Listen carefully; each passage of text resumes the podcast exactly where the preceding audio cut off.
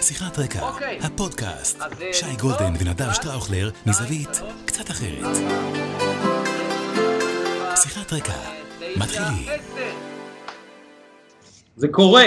אהלן, אהלן, זה קורה, זה קורה, זה קורה. עכשיו אנחנו שיחת רקע, פרק מספר 13. אני נדב שטראוכלר, ואיתי שייקה, הידוע בכינויו שי גולדן. אהלן, אהלן. עוד רגע אתה... אני רוצה לשמוע הרבה דברים, כי אני יותר מדי זמן לא, לא ראיתי אותך, וכבר כואב לי ב, גם בלב וגם בעוד כל מיני מקומות. אני כאילו... אבל לפני כן נציג את רני היקר שלנו, רני אשל, תותח העל, שמפיק לנו את פרק מספר, פרק הבר מצווה של אה, שיחת רקע, אה, האיש מאחורי ה pod, האיש מאחורי ה pod, לפני ה pod, מעל ה pod, מתחת ל pod, תוך כדי ה pod, וה pod הוא הוא. אז אה, אהלן רני, אה, ו welcome אה, לכולן, מאזינות, מאזינים, צופות וצופים. שייקה, מה שלומך? הכינוי של ביל סימונס בארצות הברית הוא ה podfather, שזה משחק מילים על godfather ו podfather. כי הוא בעצם אבי, הוא כאילו האלוהים של הפודקאסטים בארצות הברית. לדעתי רני יכול לקבל את הקרדיט, אה, pod, אה, podfather, אה, באופן מוחלט. אני בסדר גמור. אני חייב להגיד לך שאני במקום פחות רגשי לגבי תוצאות הבחירות בארצות הברית. כולם נורא, ב... כולם נורא מעורבים רגשית. אני צפיתי בזה מהצד, בעניין. כמובן שרציתי שטראמפ ינצח, כי טראמפ הוא, הוא פרו-ישראלי והוא טוב לישראל. מצד שני, אמרתי לך את זה כבר, אני לא מעריץ מספר אחת של טראמפ. לא חושב שזה האדם והנראות שהמדינה הכי חשובה בעולם צריכה שיעמדו בראשה. האיש קצת מכרסם במוס... תחת מוסד הנשיאות האמריקאי.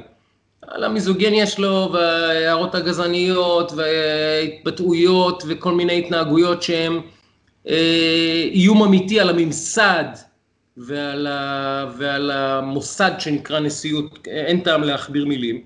אבל מכיוון שהוא באמת היה טוב לישראל, אמרתי, מה שטוב לישראל, אני בעדו. עכשיו, מה שאני לא מבין זה, אני באמת לא מבין. איך יכול להיות ש... הרי מוחלט, מוסכם, אני חושב, גם על שונאיו בישראל, שטראמפ היה פרו-ישראלי. אז איך ישראלי יכול להגיד, אני לא רוצה שאדם שאני יודע שהוא פרו-ישראלי, יישב בבית הלבן, אלא אני רוצה מישהו שיש חשש שאולי יפגע בישראל, או יחליש אותה, או יעשה לנו חיים קשים. ביידן. עכשיו, אין לי מושג איך ביידן יהיה כנשיא, אלוהים יודע, בשמיים הקדוש ברוך הוא היחיד שיודע. אבל אני אומר, אנחנו יודעים שטראמפ בסדר. אז איזה סיבה יש לישראלי להגיד אני בעד ביידן? אני לא מבין מה, אתה קודם אזרח העולם ואחרי זה אזרח ישראל? אתה קודם דואג לארצות הברית ולממסד האמריקאי ולשלטון האמריקאי ולנראות של מוסד הנשיאות בארצות הברית ואחרי זה לישראל? כי אצלי זה הפוך. חשוב לי מוסד הנשיאות בארצות הברית, חשוב לי שמנהיג העולם החופשי, האדם שאני מכבד ואפילו נושא אליו עיניים, אבל קודם כל, אני אהיה עירך מה שנקרא. קודם כל הבית שלי, והבית שלך, והבית של רני, והבית של שלי, אשתך היפה, והבית של הילדים שלי, ושל עברי, ושל הילדים היפים של, של, של, של, של, של רני. זה קודם כל. אחרי זה אמריקה, וטראמפ, ומה קורה לו, ואיך הוא, ואם הוא... אני לא מצליח להבין ישראלים שאומרים, יש פה נשיא שאנחנו יודעים שהוא בעדנו, אבל אנחנו רוצים שהוא ילך הביתה, כי יותר חשוב לנו להכניס אצבע בעין לאוהדיו בישראל. לא מבין. לא מבין. תסביר לי אתה את הרציונל, כי אני לא מבין אותו. אתה יודע, הדבר המדהים, אני כתבתי איזשהו פוסט, כאילו כתבתי שלום חבר, תודה, כאילו לטראמפ, אמרתי אה, בפוסט בשבחו. וישר קיבלתי כמובן הודעות נאצה ותגובות קשות של מה, ואתה היית רוצה שהוא יהיה חבר של הבת שלך, ואתה היית רוצה שיהיה זה... אה, בן אדם שאומר דברים כאלה ומתבטא ככה וכדומה, אני אומר, קודם כל, לא כל מי שזה ישר, אתה יודע, לוקחים את זה ישר להיית רוצה שהוא יהיה חבר של הבת שלך. הוא לא, הוא לא, הוא לא בפוזיישן הזה. אגב, גם ביידן לא, וגם אה, אין לי בנות, אבל אני לא חושב שהם ב... גם כשיהיו, הם יהיו באזורים של הגילאים האלה, כאילו, בליהוק של, ה, של הזיווג שלהם. אבל אתה יודע, כאילו, אני אומר, או, או ה, הציוד של אורנה ברביבאי, של אה, כאילו, כמו איזה ברוך שפטרנו וכל מיני כאלה, תגידי, וואלה, אתם, מה זה הכפיות טובה הזאת? אף אחד לא אמר שהוא כליל השלמות, אף אחד לא אמר שזה ככה צריך להתנסח כל בן אדם בעולם הנאור וכולי, אבל אני שופט תוצאות, אני שופט לפי מה שהיה, מה שהוא עשה עבור מדינת ישראל, והאם זה בעד, כבר מתחילים להגיד לך, לא, הוא עשה את זה לטובת הנוצרים האוונגליסטים ורק אתה נהנית. מה אכפת לי שהוא עשה את זה לטובת הנוצרים או, או המוסלמים, או הד... לא מעניין אותי. אני יודע שהוא עזר לי, אני יודע שהוא קידם את מעמדי בעולם, אני יודע שהוא קטע וגדע קו שהיה מסוכן לקיום שלי כאזרח ישראלי בעולם. כי המסלול שהוביל ברק אובמה אה, בשמונה שנים שלפני כן, ואם הוא היה ממשיך, אנחנו היינו היום באירוע אחר לחלוטין. והאיש הזה גדע את המסלול הזה, לא רק גדע, עשה מהלכים שהם דרמטיים, אסטרטגיים לטובת, חס... לטובת ביטחונה אה, ויכולותיה של מדינת ישראל, לא היום, לא מחר, לא עוד שנתיים, עשורים קדימה. ככה אני רואה את הדברים. אז כתבתי תודה, כתבתי תודה ל... ל... אה, ל...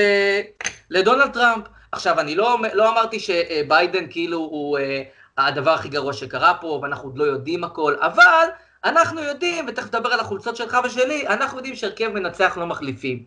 וכשיש לך שחקן שעובד לטובתך ופועל עבורך, אתה רוצה אותו בהרכב גם בשבוע הבא. עכשיו, אנחנו לא מתערבים בבחירות שם, ואני כרגע, יש לנו שיחה מאוד מעניינת עוד מעט, ככה ניתן הקדמה קלה. הבטחנו ואנחנו מקיימים עם טל היינריך, שתבוא ותספר לנו ותרחיב אה, מהנקודת מבט שהיא חיה את העניין, ואנחנו רוצים לעשות פה סגירה, יש לי הרבה מאוד שאלות אה, גם אליה, ולדבר איתה על העניין של הערעור עכשיו על התוצאות, ועל גור מה שהיה והתובנות עכשיו, אבל תכף נדבר על זה. בסך הכל אמרתי אה, מילה טובה לדונלד טראמפ, וישר קופצים עליך אזרחי העולם הגדול, ואיך אתה מעז, ואיך אתה... חבר'ה, תירגעו, אנחנו בוחנים דברים במעשים, אני לא בא עכשיו, אני לא בא עכשיו לשדך אותו לבת שלי. אני רואה מה הוא עשה עבור אזרחי מדינת ישראל, עבורי. והוא עשה עבורי המון. ואפשר להגיד תודה, וכשמישהי כמו אורנה ברמיבאי, סליחה על הזה, אומרת ברוך שפטרנו, או כל מיני אמירות כאלה, בעיניי זאת בושה, לא גאווה גדולה. ו... לא, אני, תראה, אמרתי, אני מסוגל להבין צהלות של אמריקאים. נגיד, זו המדינה שלך, זו הארץ שלך, הוא ניהל אותך, אתה, הוא, אתה מרגיש אותו ביומיום שלך באמת פיזית. אבל איזה סיבה יש לישראלי, קראתי ציוצים של שלי יחימוביץ', אישה שאני אגב מאוד מחבב ומאוד מכבד. מרב מיכאלי, אישה שאני קצת פחות מחבב. ועכשיו אתה אומר אורנה ברביעי. עכשיו, איזה סיבה יש לך לגלות כל כך הרבה רגש? כי מרב מיכאלי ושלי יחימוביץ' צייצו ציוצים כאילו שדונלד טראמפ פגע בהן אישית. אישית, וכאילו שהוא הזיק למדינת ישראל אישית, וכאילו שכל מה שהן נלחמות עבורו בארץ ישראל ומדינת ישראל, דונלד טראמפ ניסה להחריב, וברוך שפטרנו מעונשו של זה, אבל לא. כאילו, את אומרת לאמריקה ברוך שפטרנו? בתור מה? מה, את עכשיו אזרחית אמריקאית או? אני לא מבין את האנשים האלה ש... כאילו, אתה יודע, אתה אזרח ישראלי. הילדים שלך גדלים פה, מה שקורה לילדים באמריקה זה עניין שלהם, אני רוצה שגם לילדים באמריקה יהיה טוב, אבל אותי יותר מעניין הילדים הישראלים. עכשיו, אתה כל כך שמח על תוצאות בחירות בארצות הברית, שאתה יודע שהן עלולות להסתיים במשהו לא טוב לישראל. אני מקווה שאנחנו טועים ושהיחסים, אני מאמין אגב שהברית האסטרטגית העמוקה בין ישראל לארה"ב יותר חזקה מכל נשיא וכל מי שלא יושב שם, הברית הזאת היא היסטורית וחזקה, אני מאמין לכן ש... לא צריכים להיכנס להיסטריה. זה עדיין פוליטיקה, יש אינטרסים, יש גורמים נוספים במשחק שמושכים מאחורי הקלעים בחוטים, הכל בסדר יהיה. אז נכון שזה לא טראמפ שממש הלך איתנו יד ביד לעבר היעדים שלנו, אבל לשמוח שמחה כל כך גדולה, איזה נאצות, שהשטן הזה, הזה, על... מה הוא עשה לך? הוא עשה לך משהו טראמפ? מה הוא עשה לך? אז להבדיל אלפי הבדלות, אם עכשיו תשמע שלא יודע מה, אה, ראש ממשלת בוסניה הפסיד בבחירות, זה יעורר אצלך מעורבות רגשית? דווקא תדע לך שבוסניה, אה, אה, לא, זה סרביה בעצם, סרביה, אה, וויצ'יץ' זכה, והוא אוהב ישראל מאוד מאוד גדול, וזכה בבחירות מאוד משמעותיות שם לאחרונה, אגב, שם דגל ישראל שם בחוץ סביב יום השואה גם וזה, וסתם, אפרופו סרביה, גם אוהב ישראל גדול. בכלל, אתה יודע, מה שקורה ביחסים הבליטריאליים של מדינת ישראל בשנים האחרונות זה, זה לא יתואר, וכן, לטראמפ יש חלק משמעותי בדבר הזה, זה לא רק נתניהו או משרד החוץ או you name it, כי בעבר, אני זוכר היטב, שכשהיינו רוצים לעשות אפצ'י, אז היה פה מקונדליסה רייס, ואחר כך גם כאילו עד לימי אובמה, היית צריך לבקש אישור. ופה נעשו אין ספור פעולות ביטחוניות ואחרות, בידיעת האמריקאים, בידיעת הממשל האמריקאי ובגיבוי שלו, שתרמו מאוד לחוסנה של מדינת ישראל, וזה בראש הפירמידה, וזה טראמפ. ואני רואה פה לא מעט, סליחה על זה, כפיות טובה על הדבר הזה, אין בעיה, תבקרו, תגידו שאתם בעד ביידן, סבבה, ברור שפטרנו, מה קרה לכם? עכשיו, אתה יודע, בתוך זה אני אומר, א', הבחירות לא הסתיימו, אבל נגיד שהסתיימו וכולי, והכל בסדר, וזה, איך יזכרו, איך יזכרו את, את טראמפ? ואני באתי היום אה, לצופות, לצופים, למאזינות, למאזינים, חולצה של מישהו שאני מאוד מאוד אוהב, לא יודע אם mm. רואים, שמו רוברטו בג'יו. רוברטו בג'יו, אחד האהובים, עם... אה, היה לו קוקו כזה, רסטפארי כמעט הייתי אומר, מאוד מאוד מיוחד בתקופה ההיא.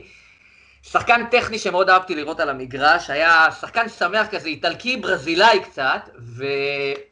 וגם שיחק בקבוצות הנכונות בעיניי, והוא עשה המון המון דברים מדהימים לכדורגל, הוא לא שינה את הכדורגל, אבל הוא היה בהחלט דמות דומיננטית בכדורגל בשנות ה-90 אה, באיטליה, אבל גם בעולם, אה, 80-90, אבל לא יזכרו רק דבר אחד, את החמצת הפנדל שגרמה לאיטליה לעוף מהמונדיאל. בסוף אתה עושה ועושה ועושה ועושה, וזוכרים דבר אחד. אז כאילו אני שואל אותך, ואני רוצה לספר לי גם על החולצה שלך, כי יש לי דומה, מה יזכרו לדעתך מדונלד טראמפ? שאלה מרתקת. השאלה זה איך יזכרו אותו בעולם ואיך יזכרו אותו באמריקה. איך יזכרו אותו בישראל? בישראל, תראה, אני אזכור אותו בסופו של דבר כנשיא, אי אפשר להפריד בין הפרסונה הציבורית שלו והתקשורתית שלו, שבעיניי הייתה בעייתית. אני, אני אדם שמאמין בממלכתיות. אני אדם שמאמין בלשמור על פאסון. ואני אדם שמאמין בלשחק אה, את המשחק ולפי קודים מוסכמים, כי יש משהו בקודים ששומרים, ששומר עלינו גם. וכשאתה מנתץ הכל, ואומר אני עכשיו מצייץ הודעות בטוויטר לפני שאני מודיע לחברי הקבינט שלי, או שאני עונה לראשי מדינות בטוויטר, או שאני אומר על נשים אה, מילים שאני לא רוצה לחזור עליהן בשידור, אז זה לא טוב.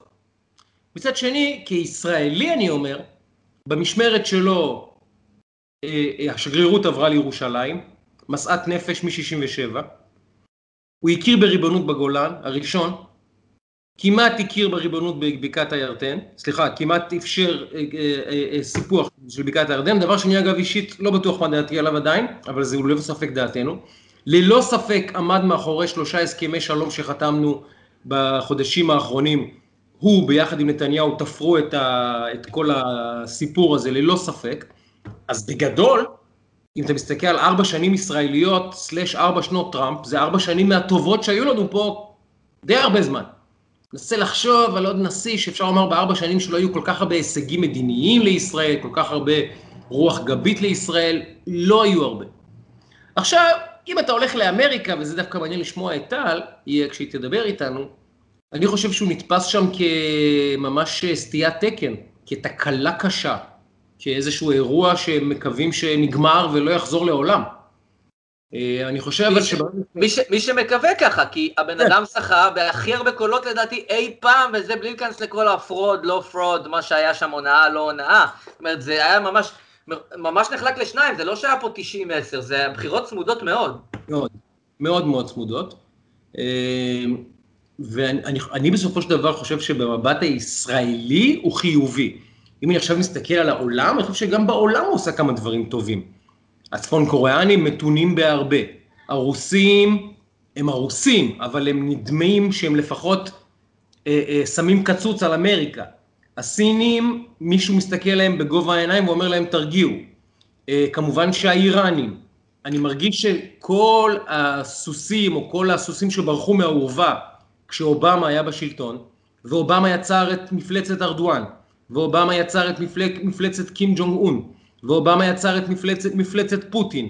אובמה קיבל אה, אמריקה שהיא בעצם... איראן. כן, איראן. אבל כשאובמה נכנס לבית הלבן, אמריקה הייתה הכוח, הכוח הדומיננטי ביותר בעולם ללא תחרות, מעצמת העל היחידה. מי שפתאום החזיר את הרוסים למשחק זה אובמה. מי שפתאום הפך את, את ארדואן לגורם במזרח התיכון, זה אובמה. כי נשיא אמריקאי נורמלי אומר לארדואן, גבר, תרגיע. וזה נגמר. עכשיו, אם אתה זוכר, אני אזכיר לקוראנו, למאזיננו ולסליחה נכון למאזינותינו ולמאזיננו סיפור. יום אחד מגיע ג'ון קרי, שר החוץ, מזכיר המדינה האמריקאי, לפגוש את ארדואן בפגישה שתואמה מראש בין אובמה לבין אה, אה, אה, ארדואן כדי שג'ון קרי יפגוש אותו. וארדואן נתן לאובמה, סליחה, ארדואן נתן לג'ון קרי להתייבש שעתיים מחוץ ללשכה שלו, ובסוף לא קיבל אותו, אוקיי? אנחנו מדברים על תקרית השגריר דני אילון, ישב נמוך, ישב גבוה. הוא נתן, ארדואן, למזכיר המדינה של ארצות הברית, לשבת שעתיים מחוץ ללשכה שלו ובסוף לא קיבל אותו. זאת אומרת, זה מפלצת שיצר אובמה. כי אחרי פאול כזה, הטורקים לא נכנסים לבונקר, כי הם יודעים שהאמריקאים עכשיו הולכים לתת להם בראש, אלא נהפוך הוא, זה מסתיים בשום דבר, אז ככה, ככה נולדות מפלצות. וגם פוטין הבין את הרמז. אין בעל בית בכיתה, אין, לא היה, לא היה מורה בכיתה. כל הילדים המופרעים התפרעו, ולא היה מורה שישגיח. וכשטראמפ היה בכיתה, אז נכון שהוא לא המורה שאני הכי אוהב, אבל היה מורה בכיתה. אנשים התיישרו, אנשים הבינו, יש מורה. יש בבית הלבן אדם, שאם אתה תחצה את הקו, הוא יחזיר אותך למקומך. ובתקופת אובמה זה לא קרה. ואני מאוד חושש שאנחנו הולכים לתקופה כזאת מבחינת ביידן. שהרוסים הרי ינסו אותו, הרוסים נכנסו לאי קרים בתקופת אובמה, הרי, אתה יודע, בחנו אותו, נכשל במבחן. קים ג'ונג און עשה ניסויים גרעיניים בתקופת אובמה, בחנו אותו, לא מצמץ. האמריקאים צפצפו על כל העולם והפקחים וכולי, והמשיכו עם תוכנית הגרעין. איראנים. לא מצמץ, האיראנים, סליחה. ויש עוד מיליון דוגמאות כאלה. אז אם אנחנו הולכים לעוד ארבע שנות ביידן slash אובמה, או אובמה slash ביידן, אז העולם במצב לא טוב. תן לי מילה על ה... תן לי מילה על החולצה שלך. יפה. דיברנו על שחקן שהדבר היחיד שזוכרים לו זה דבר אחד. במקרה, גם אני באתי עם חולצה כזאת. אני לובש את החולצה 35 של גולדן סטייט ווריורס, הוא כבר לא לובש יותר בגולדן סטייט ווריורס, זה קווין דורנט. הדבר שכולם זוכרים לקווין דורנט, זה שהוא עזב את הקבוצה שלו והלך לשחק בגולדן סטייט, שהיא הקבוצה שניצחה את הקבוצה שלו, שזה דבר שלא עושים בספורט המקצועני. אתה לא הולך ליריבה שניצחה אותך לפני דקה וחותם איתה למחרת. זה מה שקרה, שבוע אחרי שהם הפסידו הוא חתם אצלם. אז רק את זה זוכרים לו, הוא לקח כבר שתי אליפויות והוא זכה בתואר MVP והוא שחקן מהגדולים בליגה, לא ספק בין ה-20, 30 הגדולים בכל הזמנים. והדבר שיזכרו לו אחרי סוף הקריירה שלו זה שהוא הלך לשחק בקבוצה שניצחה את הקבוצה שלו יום אחרי.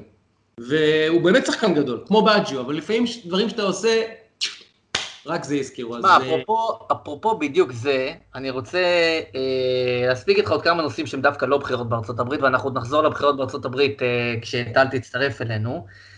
אה, כי היו עוד כמה אירועים השבוע שהיו מעניינים, אה, ואני רוצה לחלוק איתך את רשמיי לגבי כמה מהם. אחד, אני קראתי היום, אנחנו מדברים על זה לא מעט, שככה, העונש לגבר עם עבר של עבירות אלימות שהיכה את בת זוגו בפרהסיה, שישה חודשי עבודות שירות ופיצוי של 4,000 שקל. Mm. התוקף, תושב באקה אל-גרבייה, אף איים על עובר אורח שניסה לעזור לאישה. השופטת כתבה בהחלטתה שלזכותו של הנאשם, לזכותו, היא זוקפת את הודעתו תוך חיסכון בזמן, אה, בזמן השיפוטי. עכשיו תשמע, אני לא יודע כבר לאן הגענו, כי אני יושב לי בראש כל כך חזק, הסיפור הזה של אה, שירה איסקוב, של האישה הגיבורה הזאת, אישה לפני דקה וחצי, ודיברנו באחד הפרקים הקודמים על זה שהאיש הרשע, הפושע, האדם הזה אפשר לרצוח אותה, אה, התמונתו צריכה, ותמונתה של שירה, שהיא ביקשה כמובן להפיץ אותה, צריכה לעמוד לנגד אה, כל שופט או שופטת שבאים לדון בעבירות מהסוג הזה. ואתה רואה בן אדם, שסליחה על הברוטליות, פיצץ את אשתו במכות באמצע הרחוב אה, לנגד אנשים ועוד הרביץ לאנשים אחרים שניסו לעזור לה. ממש ככה, אני מצטער שאני כאילו אה, שם את זה ויזואלית. ואתה אומר 4,000 שקל ועבודות על תנאי וזה, עכשיו כאילו אני אומר, מה נסגר עם השופטים? מה נסגר? איך אפשר? ועוד היא אומרת לו תודה על זה שהוא חסך לה זמן שיפוטי כי הוא הודה על זה בתחילת הזה. עכשיו, אני לא יודע כבר מה ניתן לעשות, כי, כי אתה רואה את זה כל הזמן, ואתה רואה ש, שבמגזר הערבי זה, זה מכה, אבל זה לא רק שם. אה, עוד רצח, ועוד מקרה אלימות, ועוד אירוע אלימות, ואנחנו בתוך תקופת קורונה שהכל עמוס יותר, אינטנסיבי יותר, ואתה שומע מנט"ל ומכל הארגונים שיש עוד ועוד, שיש ממש אה, עלייה משמעותית בבקשות לעזרה, גם מנשים ובכלל בתקופה הזאת. אני פשוט לא מצליח להבין את ההיגיון של, את, את קלות הדעת ש, שמשחררים ככה אנשים שמתנהגים בצורה הזאת. ואתה אומר, אם זה האומדן כאן, באירועים מהסוג הזה, אז מה, מה כל המערכת הזאת? מה כל המערכת הזאת, על מה היא עומדת, אם בסוף זה העונשים הבזויים האלה? אני אין לי מילה אחרת להגיד, זה מכניס אותי נורא. תראה, אני מבין שיש, במערכת המשפט, אנחנו יודעים שיש סחבת גדולה של תיקים. והמערכת לא מצליחה לעמוד, לא הפרקליטות ולא בתי המשפט, במאות, ישראל היא אחת המדינות שיש בהן את אה, אחוז התביעה לנפש הכי גבוה. אה, זאת אומרת, אנחנו מדינה שאוהבת מאוד להתדיין משפטית, סטטיסטית.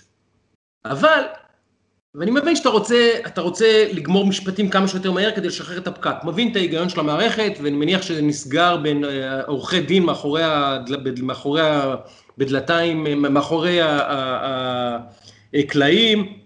יאללה אחי בוא נסגור ככה, נגמור עם זה טאק, נעיף עוד תיק, אני, כולנו ראינו את הסדרות האלה, אבל יש משהו בחברה, עזוב עכשיו מערכת משפט, עזוב עכשיו את התיק הספציפי, יש משהו בחברה, שאם היא לא אומרת מוסרית, מי שפוגע בחסר ישע או בחלש, הוא צריך להיענש אקסטרה. כי אם אני עכשיו דופק לך מכות רצח ברחוב, או דופק לאישה מכות רצח ברחוב, זה אחרת. אם אני דופק לקשישה, חס ושלום, או לילדה, או לילד, מכות רצח ברחוב, או לגבר, זה אחרת. ואם החברה לא מגינה על החלשים מפני החזקים, אז מה, עושה פה, אז מה עושה החוק? מה עושה מערכת המשפט? מה התפקיד שלה בכלל? מה, מה התפקיד של מערכת המשפט? מעבר ל, ל, להעביר אה, מסר הרתעתי, מעבר להרחיק אנשים מסוכנים מהחברה, מעבר, אתה רוצה לומר משהו גם לחברה שמסתכלת ואומרת, אם אתה מרים יד על אישה, על זקן, על, על חס ושלום אדם שיש לו איזה לקות או נכות, ילד, מה שנקרא חסרי ישע, אתה תיענש כפליים. זה, זה התנאי, שתדע. אגרוף לאישה, פי שניים מאגרוף לגבר. רצח של ילד, פי שלוש מרצח של אדם, אה, של, של, של, של גבר. למה? ככה. כי אצלנו בחברה, אגב הומניזם, אגב אה, ליברליות, אגב חברה שיש לה ערכים, אנחנו צריכים להגיד, אנחנו לא, נס, לא, לא נסבול את זה, לא ניתן יד לפגיעה בחלשים עד שהמסר יעבור. ואנחנו עכשיו רואים למשל את עידן מיטו, שהוא עידן שעושה תיקון היסטורי, והמון אנשים נענשים יותר מחומרת העבירות נאמר שהם ביצעו, אבל אני אומר, לגיטימי, ככה עושים שינוי. לפעמים כדי להרחיק את ההרווי ויינסטיינים, צריכים גם, לצערי, לפעמים להקריב מישהו שהוא רק uh, מטריד קטנצ'יק. בסדר. זה מחיר שאני מוכן לשלם כדי שהעניין שה, הזה של להטריד מינית נשים ולפגוע בהן אה, מינית ומילולית ומעמדית, יעבור מהעולם. אני מוכן לספוג את זה כגבר. אבל אני לא מוכן לספוג שכשמרביצים לאישה באמצע הרחוב, אה, אה, מקבלים אה, עבודות שירות, ומי שלא יודע מה זה עבודות שירות, שיגגל קצת. זה קשקוש. סליחה, סליחה על הבוטות, זה קשקוש. ואנחנו משדרים לחברה, מותר להכות אישה, מותר להכות ילד, מותר לו עלינו לבצע חס ושלום תקיפה אפילו על רקע אחר, של אישה או של זקן. אני מכיר סיפור שאני לא מצליח להירגע ממנו, ואני אסיים את הדוגמה הזאת, כי זה ממש מתחיל להעלות לי את העצבים, הסיפור הזה. ב- לא, בבניין סמוך לבניין שבו אני התגוררתי בעבר ברמת גן, נכנס פעם אה, איזשהו גבר לבית של אה, אישה מבוגרת, אלמנה, בת 80 וכמה היא הייתה, 4, 5, 6, ניצולת שואה כמובן, קשר אותה בלילה, קשר אותה באיזה כיסא, מכות רצח כמובן, ידיים ורגליים, אזיקונים, רוקן לה את כל מה שהיה יכול לרוקן, תכשיטים, דברים וכולי וכולי, השאיר אותה עם אזיקון וסגר את הדלת גם כן. והיא נמצאה רק אחרי יומיים על ידי איזה שכן, כי הילדים שלה בכלל בחו"ל והיא לא ענתה, אז ילדים צלצלו לשכן, תבדוק איפה אימא. עכשיו, אדם כזה, אם הוא לא יושב 20 שנה בכלא על זה, 20 שנה על דבר כזה, קשרת אישה באזיקונים בת 87 והשארת אותה למות שם, אתה צריך לשבת 20 שנה בכלא. אתה יודע כמה הוא קיבל? גם כן, כמה חודשי עבודות שירות, הקלות, נסיבות, אי אפשר לשמוע, שמעתי את זה, אתה בא לך, בא לך למות. בא לך למות, ועד שהחברה שלנו לא תעביר מסר לאנשים, לא בקטע הרתעתי, בקטע של תדעו, להכות אישה זה יותר חמור מלהכות גבר. להכות קשיש זה יותר חמור מלהכות גבר. להכות ילד זה יותר חמור מלהכות גבר. למה? כי גברים יותר חסונים פיזית, מה לעשות? יש לנו סיכוי יותר גדול להגן על עצמנו. לאישה, ילד או זקן, אין. לא מבין את זה. אני רוצה אבל לדבר איתך על פרשת מיקי זוהר. שנייה לפני מיקי זוהר, אני רק רוצה לנצל את הרגע שדיברנו, אפרופו בדיוק מה שאמרת על הנושא הזה של החלש, לקחת רגע את זה לצד הפוזיטיבי. וקודם כל לציין שאנחנו אה, אה, מציינים היום 2,255 ימים אה, לאברה מנגיסטו שנמצא בשבי, mm-hmm. אה, ואנחנו, אה, ראיתי, ראיתי משהו מאוד מעניין, שמעון צופיה ועוד קבוצה שנקראת משפח, משפחת ברקת, שהעלו את זה בכמה פורומים, והם עשו משהו מאוד מאוד יפה, שרני אולי אחר כך נוכל להעלות גם בעמוד שלנו, ואנשים יוכלו לראות דגל מאוד מאוד מאוד יפה, שהם איזשהו פסיפס שהם עשו עם דגל ישראל, ומכתבים שילדים כתבו לאברה, משהו מאוד מאוד יפה. אה, והם עשו אשטג מאוד נחמד שקראו לזה, ואהבת לאברה כמוך, שזה כמו mm. ואהבת לך כמוך, הם עשו איזה משחק עם המילים. אה, וזה מאוד יפה, וזה אנשים שאין להם, להם שום קשר למשפחה או לזה, הם פשוט אה, אה, כמונו רגישים לסיטואציה ונרתמו לעניין והציפו את זה בפורומים וזה מאוד משמח לפחות אותי ואני יודע שגם את המשפחה ששיתפה את זה גם. אז 2,255 אה, ימים אנחנו מציינים גם היום ודווקא אני רוצה לתת אה, באמת כאילו על פעילות מאוד מאוד יפה שנעשתה כאן והעבירו למשפחה והיא התרגשה ושיתפה, זה מאוד מאוד יפה. אז זה ככה קצת דיברנו על החלש בחברה, אז הנה אנחנו גם רואים אנשים שהם בתשומת לב לעניין וזה מאוד יפה. אה, וסליחה, התחלת לדבר על... אה, לא, לא, זה נושא מאוד מאוד חשוב, אברה, וכל פעם אנחנו עסוקים, ביידן, שמיידן, אבל יש משפחה שיש לה ילד שהיא לא יודעת מה איתו שש וחצי שנים. שש וחצי שנים היא לא יודעת מה, אם הילד שלה חי או מת. איך הוא ישן בלילה, מה המצב, שש וחצי שנים. ועם המדינה הזאת, הרי את השם גלעד שליט, שיהיה בריא באמת. שמענו כל יום. לא היה יום שלא שמעת את השם, מישהו אמר את השם גלעד שליט. אם זה בשיחת ברזייה, אם זה בעיתון, אם זה באינטרנט, אם זה בסדרת טלוויזיה, אם ברק, מישהו תמיד, לא היה עבר יום שלא שמעת את השם גלעד שליט. אז נכון, גלעד שליט היה חייל בפעילות מבצעית שנחטף קצת אחר, אבל יותר מזה, גם את השם אלחנן טננבאום, סוחר סמים מטונף, סלחו לי, שהלך והשתמש בקשרים שהוא צבר כדי לבצע עסקת סמים עם אנשי חיזבאללה בחו"ל. גם את השם שלו שמענו בתדירות הרבה הרבה הרבה יותר גבוהה מאברה מנגיסטו. והוא גם שוחרר במדינת ישראל, ואני לא בא בתלונות לאף אחד, אני בעד פדיון שבויים תמיד. זה אחד מהערכים הכי חשובים בעיניי ביהדות, פדיון שבויים. אני, אין לי מחירים יותר מדי גבוהים, אה, דם על הידיים וזה וכולי וכולי, באמת, אני מבחינתי שהבן יחזור הביתה. שהילד יחזור לאימא שלו. ולא רק חייל, כל ישראלי ידע שמדינת ישראל תחזיר אותו הביתה. שידע, יעלה כמה שיעלה. אז אני לא מבין איך יכול להיות שאת השם אלחנן טננבאום שמענו לפחות אחת לשבוע, שמעת את השם אלחנן טננבאום באיזושהי מהדורת חדשות נאמר, באיזושהי כותרת, ב... שמעת את השם הזה. אברה, שום מקום. לא מבין, אני לא מבין, אני לא מבין מה לא בסדר, מה נהיה איתנו לא בסדר, אני לא מדבר, אני לא מאשים אחרים, אנחנו כמדינה, מה קרה לנו? ששכחנו, מי אנחנו? שכחנו מה המקור שלנו. אנחנו, אנחנו בחלקת אלוהים הקטנה שלנו, ואני מחפש כל הזמן את הדברים האלה, וגם אנחנו מציעים גם לאנשים ולמאזינות, מאזינים וצופות וצופים לשתף, להיכנס לעניין הזה, להסתכל על ה... על האירוע הזה מאוד זוויות, ואני ככה נתקלתי בזה, וזה אותי מאוד שימח וריגש, ואהבת לאברה כמוך. אה, והתחלת לדבר על אה, מיקי כן. זוהר. אני רוצה להגיד לך משהו על מיקי זוהר, תראה. אני לא מעריץ מספר אחד של מיקי זוהר, וזה כנראה understatement המילניום, אוקיי?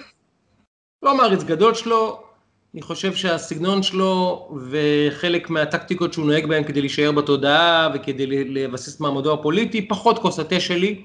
אני אבל מכבד אותו, כי יש עוד הרבה פוליטיקאים בכל מיני מפלגות שאני פחות אוהב, אבל זה המשחק שלהם, וכל אחד מנסה לשרוד פוליטית, הכל בסדר. עכשיו, גם, גם, גם, אם חושב מי שחושב בפרקליטות, שמה שעשה מיקי זוהר הוא ניסיון סחיטה באיומים, ואני לא עורך דין, ולא שוטר, אני לא ראיתי שם שום ניסיון סחיטה באיומים, כן? אבל נגיד שהם צודקים ויש פה חשד לניסיון סחיטה באיומים. אז א', לחקור חבר כנסת על התבטאות שהיא בסופו של דבר פוליטית, זה תקדים מאוד מאוד מאוד מסוכן. זה אחד. שתיים, העובדה שמי שמורה על פתיחת החקירה הוא האדם שהדבר נוגע לו ישירות, מר מנדלבליט, היא החמורה פה. מדוע? כי מה קורה? מנדלבליט רוצה עכשיו לעשות דייג של מידע. הוא חושד שיש קלטות שמסתובבות, שאולי הגיעו לידי מיקי זוהר, אולי לא. אבל הוא אומר, יש למישהו מידע שלי אין, ואני רוצה לדעת מה המידע, אז אני משתמש בכוח שיש לי כפרקליט המדינה בפועל וכיושב ראש, סליחה, כהיועץ המשפטי לממשלה, ולמעשה הגורם הכי משמעותי היום במערכת המשפט הישראלית, כולל נשיאת בית המשפט העליון ושר המשפטים, הוא האדם הכי חזק במערכת הצדק הישראלית, ללא תחרות בהיסטוריה אגב. מעולם לא היה כדבר הזה, העוצמה שיש למר מנדלבליט ביד, שיהיה בריא, באמת. ושהוא משתמש בעוצמה המטורפת שיש לו, עזוב פרשת משפטים בושה, שרק על זה במדינה מתוקנת הוא היה צריך להתפטר. רק על זה, על החשיפה הזאת, נדמה לי של אודי סגל ב-13, בארצות הברית, אני אומר לך, אגב, ארצות הברית שלא נושאים אליה עיניים, האיש הזה לא היה מכהן יום אחד יותר כראש התביעה הכללית. אבל בישראל זה עבר בסדר. ואז הוא לוקח את אותו כוח כדי לחצות קו עוד יותר חמור. עוד יותר חמור. לקחת חבר כנסת, להזמין אותו לחדר חקירות, חמש שעות חקרו אותו, אחרי שמר זוהר אמר, כבר כמה שעות אחרי שהוא אמר את ההתבטאות המקורית, אין לי קלטות, אני לא יודע על מה מדובר, ולא היה בזה שום איום, הוא כבר אמר. אז הוא אומר, אין לי קלטות, אין לי כלום, על מה אתה חוקר אותו? על זה שהוא אה, השתמש בהתבטאות פוליטית עקומה ומסריחה, מסכים. התבטאות פוליטית דפוקה. מי, אין לי מילה טובה לומר על ההתבטאות הזאת, אה, חבל מאוד שאמר אותה, אני אגיד לך מה, זה אפילו דבר מטומטם לומר. עדיין לא חוקרים חברי כנסת, עדיין, אתה לא מורה על פתיחת החקירה, כשאתה את החקירה תקבל את התמלילים שלה ותדע בדיוק מה יש לצד השני נגדך. כי כרגע אין מה לעשות, יש סוג של עימות בין מערכת המשפט לבין מר נתניהו. ומר זוהר נחשב למר מקורב לנתניהו, ואתה בעצם מנסה לקבל מידע על מה שיש לצד השני נגדך, ומשתמש בכוח שלך כראש התביעה הכללית בישראל? אני לא מבין איך אנשים לא רואים כמה זה עקום. גם אם זה ניסיון סחיטה באיומים. מנדלבליט לא יכול להורות על פתיחת חקירה לדבר שנוגע אליו במישרין, לא רק אישית, אלא בעיקר עכשיו בפרשת, בפרשה של הקריירה שלו והשם שלו והתנהלותו לאחר מכן. הוא מנסה... אתה יודע, אבל, אבל אתה יודע למה זה מהמקפצה פעמיים? Okay. גם הטיעון שאמרת, וגם כי כשאתה מסתכל מה, אה, למשל, מר אהוד ברק אמר על אה, מנדלבליט ועל אחרים ועל מבקר המדינה, גם בתפקיד וגם לא בתפקיד, דברים קשים וחמורים לא פחות נגיד, בסדר? לא פחות ממה שאמר מיקי זוהר. ראית משהו שנפתחה חקירה, מישהו אמר, אגב, וגם אנשים אחרים שאמרו דברים נוראים בתפקידים רשמיים, שהיית יכול לחשוב לא רק סחיטה באיומים, גם עוד שניים באים אליו הביתה ולא יודע מה עושים לו. שמעת על זה משהו? מישהו השתולל על זה? הוא פתח בחקירה? עכשיו, אני אגיד לך מה, זה, מה, מה קרה פה. קרה פה משהו. אחד, זה, זאת, זה גם מעבר ל, ל... כמעט עזות המצח בעניין, זה גם התנהלות תקשורתית פשוט מטופשת. כי אתה יודע שכרגע יש עליך מה שנקרא את כל העולם ואחותו, נגיד על הראש, מכל הפרשות הציבוריות שיש כרגע ו, וקורות ומתרחשות לנגד עינינו. אתה בוחר, כאילו, אני אומר, מה עבר לו בראש? מה חשב לעצמו מנדלבליט שבא ואמר אני אפתח על זה, אני אקרא לו לחקירה? מה הוא חשב שיקרה? שזה ייצר הרתעה? אני לא אומר הוא צודק, לא צודק, אני מסתכל על אם לא פתחת על כל המקרים האחרים שהיו והחלטת דווקא על המקרה הזה, בעת הזאתי, אתה באופן אישי, נגד מיקי זוהר, שכמו שאתה אומר אה, בהקשר של אה, מחובר לנתניהו, מן הסתם. זה התנהלות תקשורתית לא חכמה בלשון המעטה, מטומטמת אם תרצה אפילו בקצה שלה, כי הרי ברור מה יקרה אחר כך. ואם אתה קורא בין השורות, ונגיד שלום לטל עוד שנייה, ונסיים את העניין, כי טל פה והשעה אצלה היא לא כמו אצלנו, כן? אבל אם אתה קורא בין השורות, אתה, אני מריח שני דברים ממר מנדלבליט. אחד, לחץ אמיתי כי הוא כנראה יודע מה יש בשיחות בינו לבין אפי נווה, והוא לא רוצה שהדברים שהוא אמר לאפי נווה כנראה, והוא מפחד שהוקלטו יצאו. הוא, לא, הוא רוצה לדעת מאוד מה יש בקלטות האלה, כי אולי זה קלטות שמסכנות לא רק את המינוי שלו לבית משפט העליון, אולי אפילו הן מסכנות דברים אחרים בחייו. זה אחד. ושניים, הוא, ש, הוא שיכור כוח. הוא באמת חושב שהוא יכול לעשות את זה. כמו שהוא יכול לקרוא לה, לניידת משטרה, שתיקח את הגברת שעצרה אותו ברחוב ואמרה לו, פרשת משפטים בושה, אוקיי? אתה יודע מה? גם אם אני עובר ורואה את היועץ המשפטי לממשלה ברחוב ואומר לו, אדוני, אתה מושחת ורקוב, אתה מביא לי משטרה? האישה הזאת הייתה בחקירה שלוש-ארבע שעות בשבת ונאלצה כמובן לחלל שבת כי זה היה במהלך שבת. נגיד איילה חסון, האירוע שדיברנו עליו קודם, איילה חסון, לא אודי סגל, כן. זה אומר אדם שהוא שיכור כוח, שאיבד כבר, איבד את הצפון, איבד את הצפון, הוא חושב שהוא מעל החוק, מעל הנורמה, מעל הסטנדרטים, מעל הנראות הציבורית, הוא מעל הכל. הוא יכול לעשות מה שהוא רוצה. ואני אומר לכם את זה ברצינות. עכשיו, כאזרח המדינה, יש כרגע במשולש הזה של האיזונים ובלמים, שכולם מדברים על מערכות החוק והצדק והרשות המבצעת והרשות הזה, יש, המשולש הזה כרגע לא מאוזן, והמדינה שלנו כרגע, הדמוקרטיה שלה בסכנה. כי יש כרגע גורם שהפר את האיזון ויש לו כוח רב מדי בתוך המשוואה. היועץ המשפטי לממשלה לא יכול להורות על חקירה בנושאים שנוגעים אליו, הוא לא יכול. הוא לא יכול. זה מטורף. וזה עובר פה כאילו כלום, רק כי זה נגד נתניהו. זה מטורף. אני רוצה להבין כל האנשים האלה, כל אנשי שלטון החוק והצדק והוואטאבר, בלה בלה בלה בלה בלה בלה בלה בלה, אלה שמערכת המשפט כל כך קדושה להם, השופט ברק, אנשים באמת שמשפט חוקתי זה כל החיים שלהם. איך אתם לא משתוללים ואומרים, חבר'ה, אתה קורא לחקור אדם שמחזיק במידע עליך, כאשר אתה יש לך את היכולת לשלוח לו ניידת משטרה הביתה? אתה מבין כמה זה חמור? למה הדבר דומה? נגיד שמתפרסם מחר ששר לביטחון פנים, אמיר אוחנה, כמובן זה היפותטי, אין לזה שום קשר למציאות, שר לביטחון פנים אמיר אוחנה, יש לו סכסוך עם שכן שלו, אוקיי? על חנייה, אוקיי? או על, אה, לא יודע, מדליפה מקיר לקיר, והוא מביא לו משטרה הביתה. המדינה הזאת לא הייתה מתפוררת באותו יום בצרחות? זה מה שעשה מנדלבליט. השתמש בכוח שלו כדי לנסות לפתור איזשהו עניין אישי שלו. עכשיו, זה לא רק עניין אישי שלו, זה עניין שכל המדינה עליו, החקירה של נתניהו, ואתה מנסה עכשיו לדלות מידע, זה גם שיבוש הליכי משפט לדעתי, מעבר לעניין האתי. המון המון דברים בעייתיים יש בחקירה הזאת, אני לא, לא מבין איך זה עובר מתחת לרדאר של כל כך הרבה אנשים, אני לא מבין. זה, זה, זה דוגמה, זה דוגמה אה, אה, מובהקת, מדהימה, ובאמת, אני חושב חסרת תקדים בנושא הזה של אה, היקף הכוח שיש לך בידיים ומה אתה עושה איתו.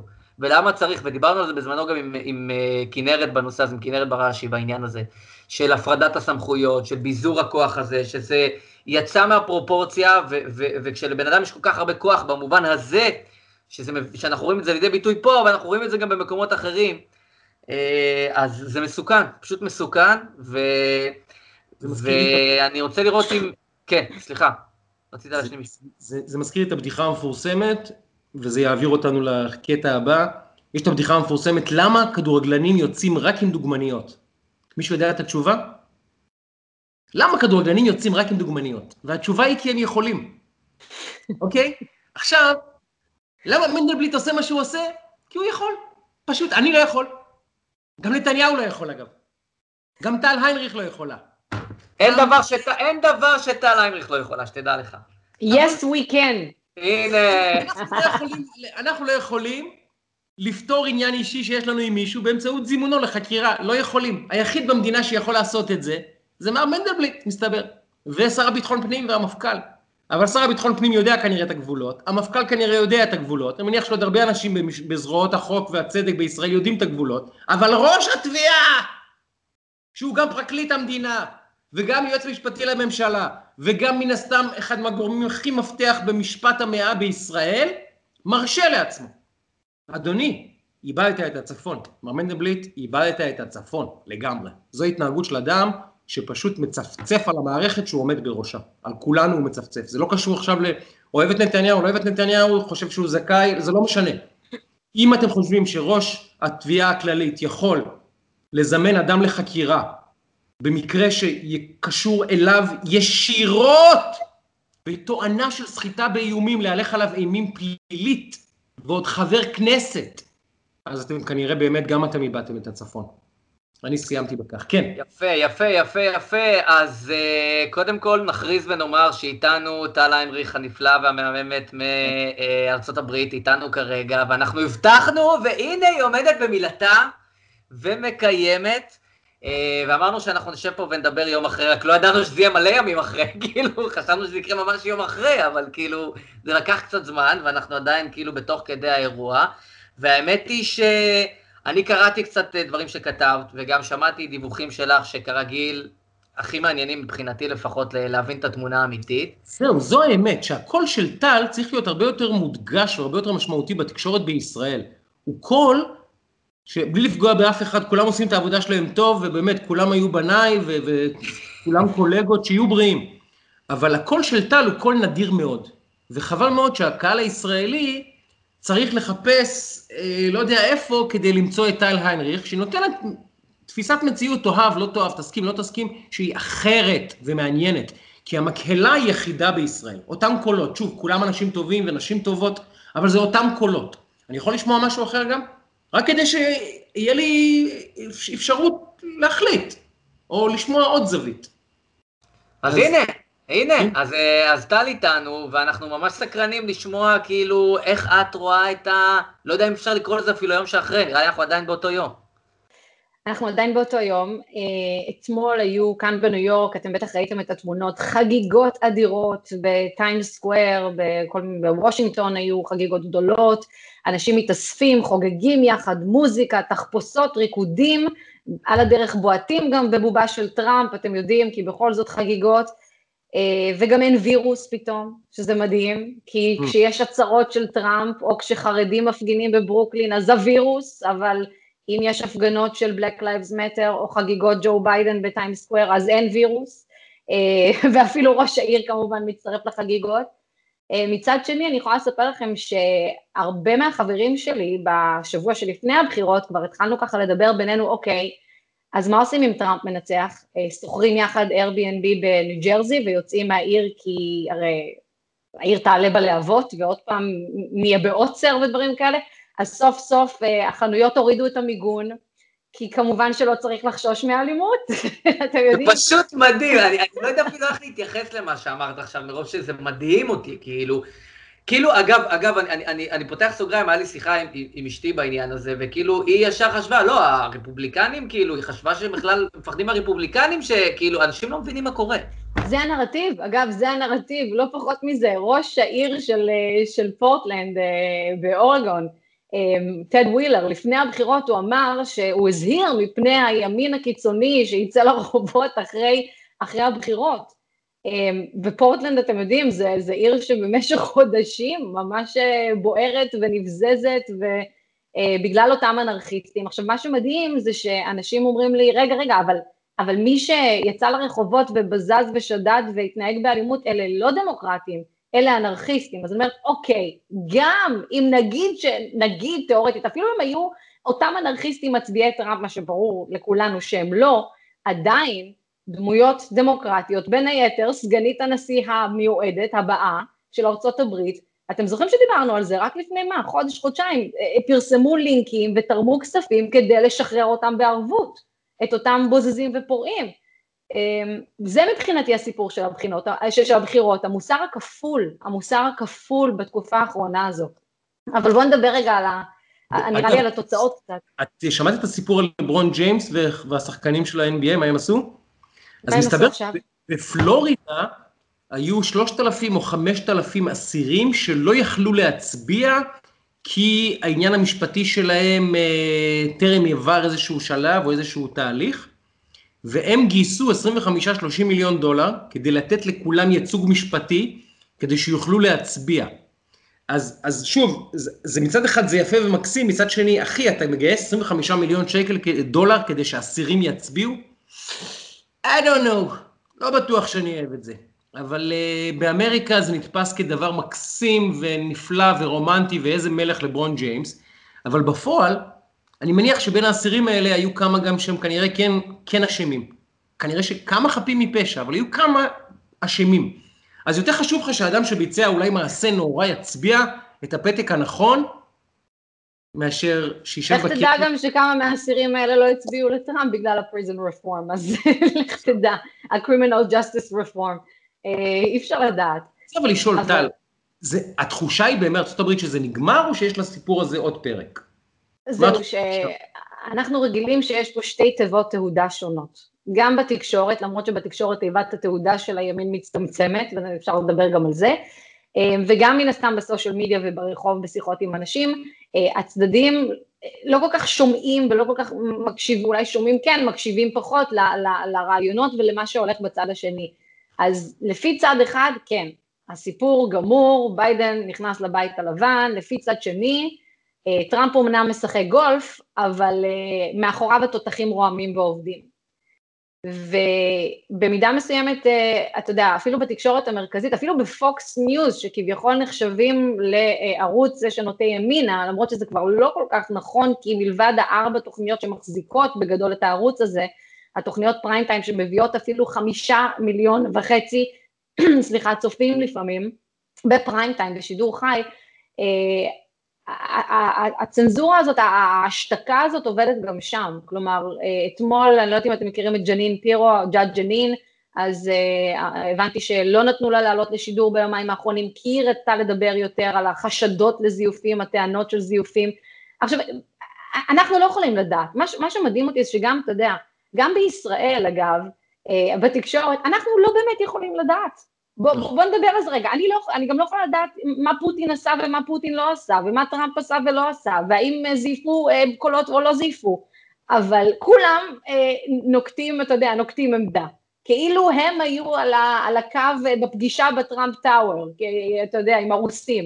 כאילו הם יודעים מה, איפה היו עובדי הדואר ו, ואיפה היו המשקיפים של הקלפיות. אז אני אומרת, בוא ניקח צעד אחורה. הכי חשוב כרגע זה טוהר הבחירות אה, והשקיפות, ושכל המדינה תקבל את התוצאה ותכיר בהליך, כי איך שהרפובליקנים אומרים פה, זה לא על כן טראמפ, לא טראמפ, אה, בחירות 2020 או לא, זה כבר על, על הבחירות הבאות, זה על בחירות האמצע הבאות. כלומר, חשוב מאוד, ויש פה בעיה, יש פה בעיה בארצות הברית, שכל מדינה, אה, בסדר, אתה יודע, זה, זה הקטע של ארצות הברית, כל מדינה יש לה את החוקים שלה וההליך שלה לבצע, לבצע בחירות, אבל אה, כן יש פה איזשהו ציר שאצל הדמוקרטים כל קול חשוב, אה, בין אם זה קול של, אתה יודע, אה, מהגר לא חוקי, שאגב זה עוד משהו שהיה על הבלות במקום מסוים כמו קליפורניה, למשל, האם אתה, אתה, אתה רוצה שמהגרים, מהגרים, אני לא אגיד לא חוקיים כרגע, יוכלו להצביע בבחירות, כלומר זו שאלה שקיימת מצד הרפובליקנים, שמבחינתם כל קול חוקי ולגיטימי חשוב. אה, אז זה מין סקאלה כזאת שדמוקרטים טוענים שרפובליקנים רוצים שכמה שפחות אנשים יצביעו, זה, זה מין כמות מול איכות, ורפובליקנים טוענים לא נכון, אנחנו רוצים שמי שמגיע לו להצביע ומצביע באופן רגע, פרי ומשחק... למה שתיירים לא יצביעו? אני יכול להגיע לאמריקה, אם מהגר לא חוקי יכול להצביע, למה שתייר לא יצביע? לא, אתה יודע, זה, זה, זה דברים שנמצאים... זה, זה, זה, דברים... זה, זה זכות היסוד של אזרחים בלבד, הצבעה. זה הקטע. כן, אבל מצד שני, אתה יודע, פה, פה בניו יורק למשל, הם שינו את העניין שגם אם אתה מהגר לא חוקי, אז אתה יכול להוציא רישיון נהיגה. אמ, זה... הדברים בערים, במדינות דמוקרטיות, כן הולכים יותר לכיוון הזה. אגב, אה, אנחנו בשנה של סנסוס, של מפקד אוכלוסין, כל עשר mm-hmm. שנים עושים את זה אה, בארצות הברית, ולפי זה גם בין היתר משרטטים את מחוזות הבחירה, ו, ובעצם ככה גם קובעים, אתה יודע, עושים מעין אה, אה, חשבון ככה, חשבון נפש של איפה דברים עומדים במחוזות, כמה, כמה תשתיות יש בשביל תשתיות ציבוריות במקומות מסוימים, ובין היתר הקטע החשוב שמדברים עליהם, ככה מסרטטים את מחוזות הבחירה, אז הדמוקרטים מאשימים את הרפובליקנים שהם תמיד מסרטטים את מחוזות הבחירה באופן שיצמצם את ההשפעה של קולות של מיעוטים. והרפובליקנים מאשימים את הדמוקרטים למשל בזה שהם לא רצו, הם, הם לא הסכימו שיהיה את השאלה בסנזוס, במפקד אוכלוסין של האם אתה אזרח, זה היה פה עניין מאוד גדול, האם אתה אזרח של ארה"ב, כי גם מהגרים וגם מהגרים לא חוקיים, האינטרס שלהם זה שכמה שיותר אנשים יענו על המפקד אוכלוסין כדי שנקבל תמונה מלאה של מצב האוכלוסייה בארצות. אבל אז אמרו הרפובליקנים, רגע, רגע, רגע, אז אתם רוצים, אתם, אתם רוצים שהרבה אנשים יענו, שלא נדע מי אזרח ומי לא אזרח, אבל אתם רוצים לשרטט את מחוזות הבחירה על סמך אלה שלא רוצים גם, שלא יכולים גם להשתתף במשחק הפוליטי? אז האשמות נכונות לפה ולפה אגב, זה לא שצד אחד אה, אה, צודק והשני לגמרי לא. תגידי, אה, אני, אני, אני, אני, הייתה לי, הייתה לי שיחה, שאני סקרן מאוד בעניין הזה, הייתה לי שיחה אתמול עם חבר שהוא אמריקאי, שעשה עכשיו בתהליכי עלייה, אה, בן אדם, רק לטובת העניין, נורמטיבי, מתון, רגוע, whatever וכולי, מצביע טראמפ. Mm. והוא הצביע כמובן מישראל, הוא הצביע איזה. אה, והוא אומר לי, תקשיב, it's a fraud. כאילו, אין לי ספק, it's a fraud. כאילו, יש פה, יש פה גנבת בחירות, הוא אומר לי, לא יכול להיות. הקטע הזה של ה-138 אלף קולות, ש-138 אלף מהם הם של, הם של ביידן, זה הרי לא הגיוני. זה סיפור מאוד מוזר, באמת. יש שם, הוא אמר לי, הוא מראה... רק זה, נדב, רק זה. יש אלפי קולות מתים, של מתים, אנשים מתים. בדיוק, בדיוק, אז כאילו, לא אז כאילו הוא אומר לי שבני... יש עשרות אלפי, עשרות אלפי טפסים. כן, כן. עשרות אלפי טפסים שבהם סומן רק, סומנה רק הבחירה בנשיא, כלומר, אתה יודע, הבלט שלהם, הטופס של האמריקאי, יש, יש בהם הרבה מאוד דברים שהם צריכים לענות, אבל לא, יש עשרות אלפי טפסים שהגיעו בדואר, ורק סומן הבחירה בנשיא. אז בדיוק, אז כאילו הוא אומר, לא יכול להיות שבסנאט אה, אה, טראמפ עלה, והוא קיבל את מספר הגבות, להבנתי הגבוה בהיסטוריה בארצות הברית, שבעה וחצי מיליון יותר. ו, ו, ו, וביידן כאילו קיבל פי עוד איזה שמונה מיליון מהשיא של אובמה ב-2012, זאת אומרת, יש פה איזה כמה נתונים שלא מתכנסים בעליל, והוא אומר שככה, הוא אמר לי, אני, את המומחה מבחינתי, ש, שכאילו יש פה אה, אירוע ש, שלא יכול להיות שאין פה אה, איזושהי הונאה, האם זו הונאה קטנה או גדולה, אנחנו לא יודעים, ועל זה בעצם אה, עכשיו אני מבין שטראמפ הולך לערער, אבל השאלה שלי בעצם, היחידים שהכריזו, כאילו, לטובת העניין, על זה שהבחירות הסתיימו וביידן ניצח, זה רשת CNN. שורק. עכשיו כאילו, עכשיו כאילו, אני אנסה להבין, CNN קובעים? רק שאני אדע. לא, אה, החוקה האמריקאית אמורה לקבוע, ולכן אה, ייקח זמן כנראה עד שבאמת נדע, אבל אתה יודע, הנרטיב כבר מתגלגל, הנרטיב כבר בחוץ. אנחנו, אה, אתה יודע מה, גם אם יש, תיאורטית, גם אם יש הונאת בחירות ענקית, הנרטיב בחוץ, אנחנו חיים, מה, ממתי עובדות משנות בשנת 2020? כלומר... אבל, אבל מצד שני, אני חייב להיות ישר ולומר לשניכם, תראו, שנינו, שלושתנו יותר נכון, כבר, אה, כבר לא ילדים, כמובן שטלי היא, היא חסרת גיל לחלוטין, אבל אה, אנחנו מספיק זקנים כדי לזכור כמה וכמה מערכות בחירות, לא רק ארציות, גם פריימריז. אני לא זוכר מערכת בחירות אחת שבו הצד המפסיד לא אמר, אכלו לי, שתו לי, רימו, זה מדובר ב fraud. לא, לא זכורה לי מערכת בחירות, כולל הבחירות שבהן טראמפ ניצח. מה זאת אומרת? הילרי קלינטון לפני שבוע, שי, לפני שבוע, היא הזכירה, גנבו, לי, גנבו ממני את הבחירות. אתה יודע, הבדיחה של הרפובליקנים, כשטראמפ מנצח זה פוטין, כשביידן מנצח לפוטין יש פרקינסון. בדיוק, ואפילו בפריימריז במפלגת העבודה של יחימוביץ' תערער על בחירה של אמיר, זאת אומרת, נדב, אתה הרבה יותר חזק ממני במשחק הפוליטי. אתה זוכר מערכת בחירות או קמפיין שבה הצד השני לא אמר, רימו, החרדים הביאו מתים מבני ברק להצביע, ויש, לא יודע מה, מברוקלין באו לזה, וכל אחד עם הסיפורים שלו, פתאום בדואים בפזורה מצביעים ללא יודע איפה, אנשים שלא קיימים. כל בחירות יש אותו סיפור. אני שואל, מה שאני מנסה לשאול את שניכם זה האם אתם מרגישים שזה איזה קש אחרון של תקווה שהרפובליקנים נאחזים בו, או שיש פה משהו באמת דרמה אחרת, גדולה יותר? אה, אי אפשר לדעת, זה, זה, זה העניין, כי אה, מה שעוד מפריע לי שבאמצעי התקשורת אני רואה שכל הזמן אומרים את זה, אבל מה, הצבעה בדואר תמיד נעשתה, אז זה לא נכון. הסיפ... זה הסיפור, על, על זה מדברים כרגע בעיקר, נכון? שיש בסדר פה ושם כמה מתים שקמו לתחייה, תמיד כמה מתים קמים לתחייה בכל ארץ כמו שאתה מתאר, גם בישראל יש כמה מתים שקמים לתחייה בדיוק בזמן ליום הבחירות, אבל ההצבעה בדואר באופן כזה מסיבי, ולא רק ה...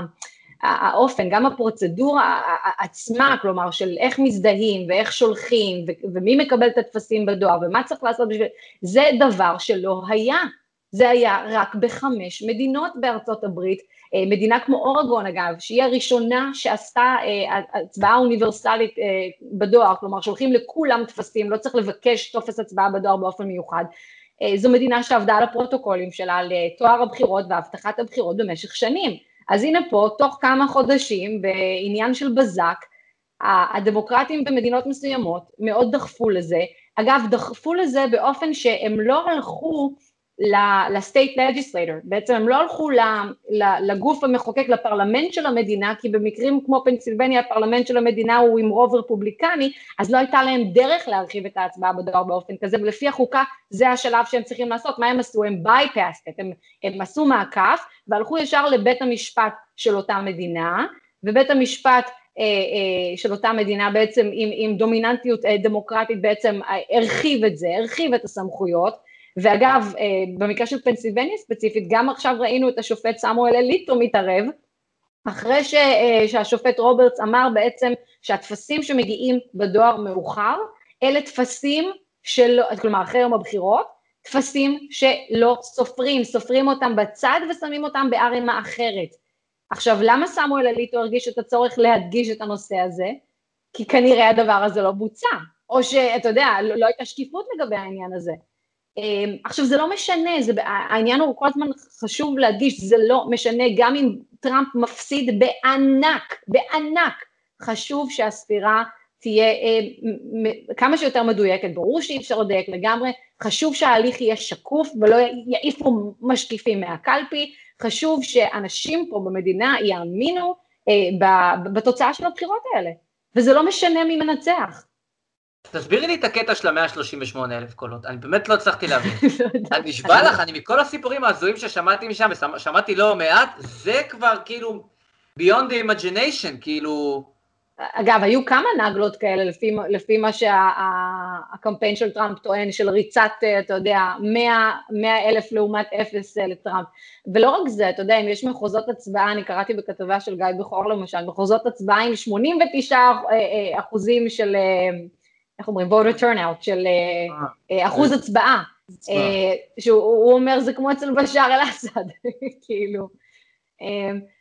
בסדר, אז יש אי סדירויות מסוימות, השאלה מה ההיקף, האם זה באמת טראמפ שמנסה להחזיק בכיסא כמה שיותר חזק, והאם הוא מגוחך, והאם הוא שוב לא מעביר את המסר שלו נכון, ויש אנשים במפלגה הרפובליקנית שעושים את זה טוב ממנו. אה, אגב, עוד דבר שקצת מציק לי, מציק לי בסיקורים שאני רואה בארץ, זה שאתה יודע, כל הזמן מדגישים, אבל מיט רומני, מיט רומני, המפלגה לא מאחוריו, קודם כל חברים, מיט רומני בשביל רפובליקנים, זה יהודה איש קריות במובן מסוים, אם תשאל רפובליקני מהשורה.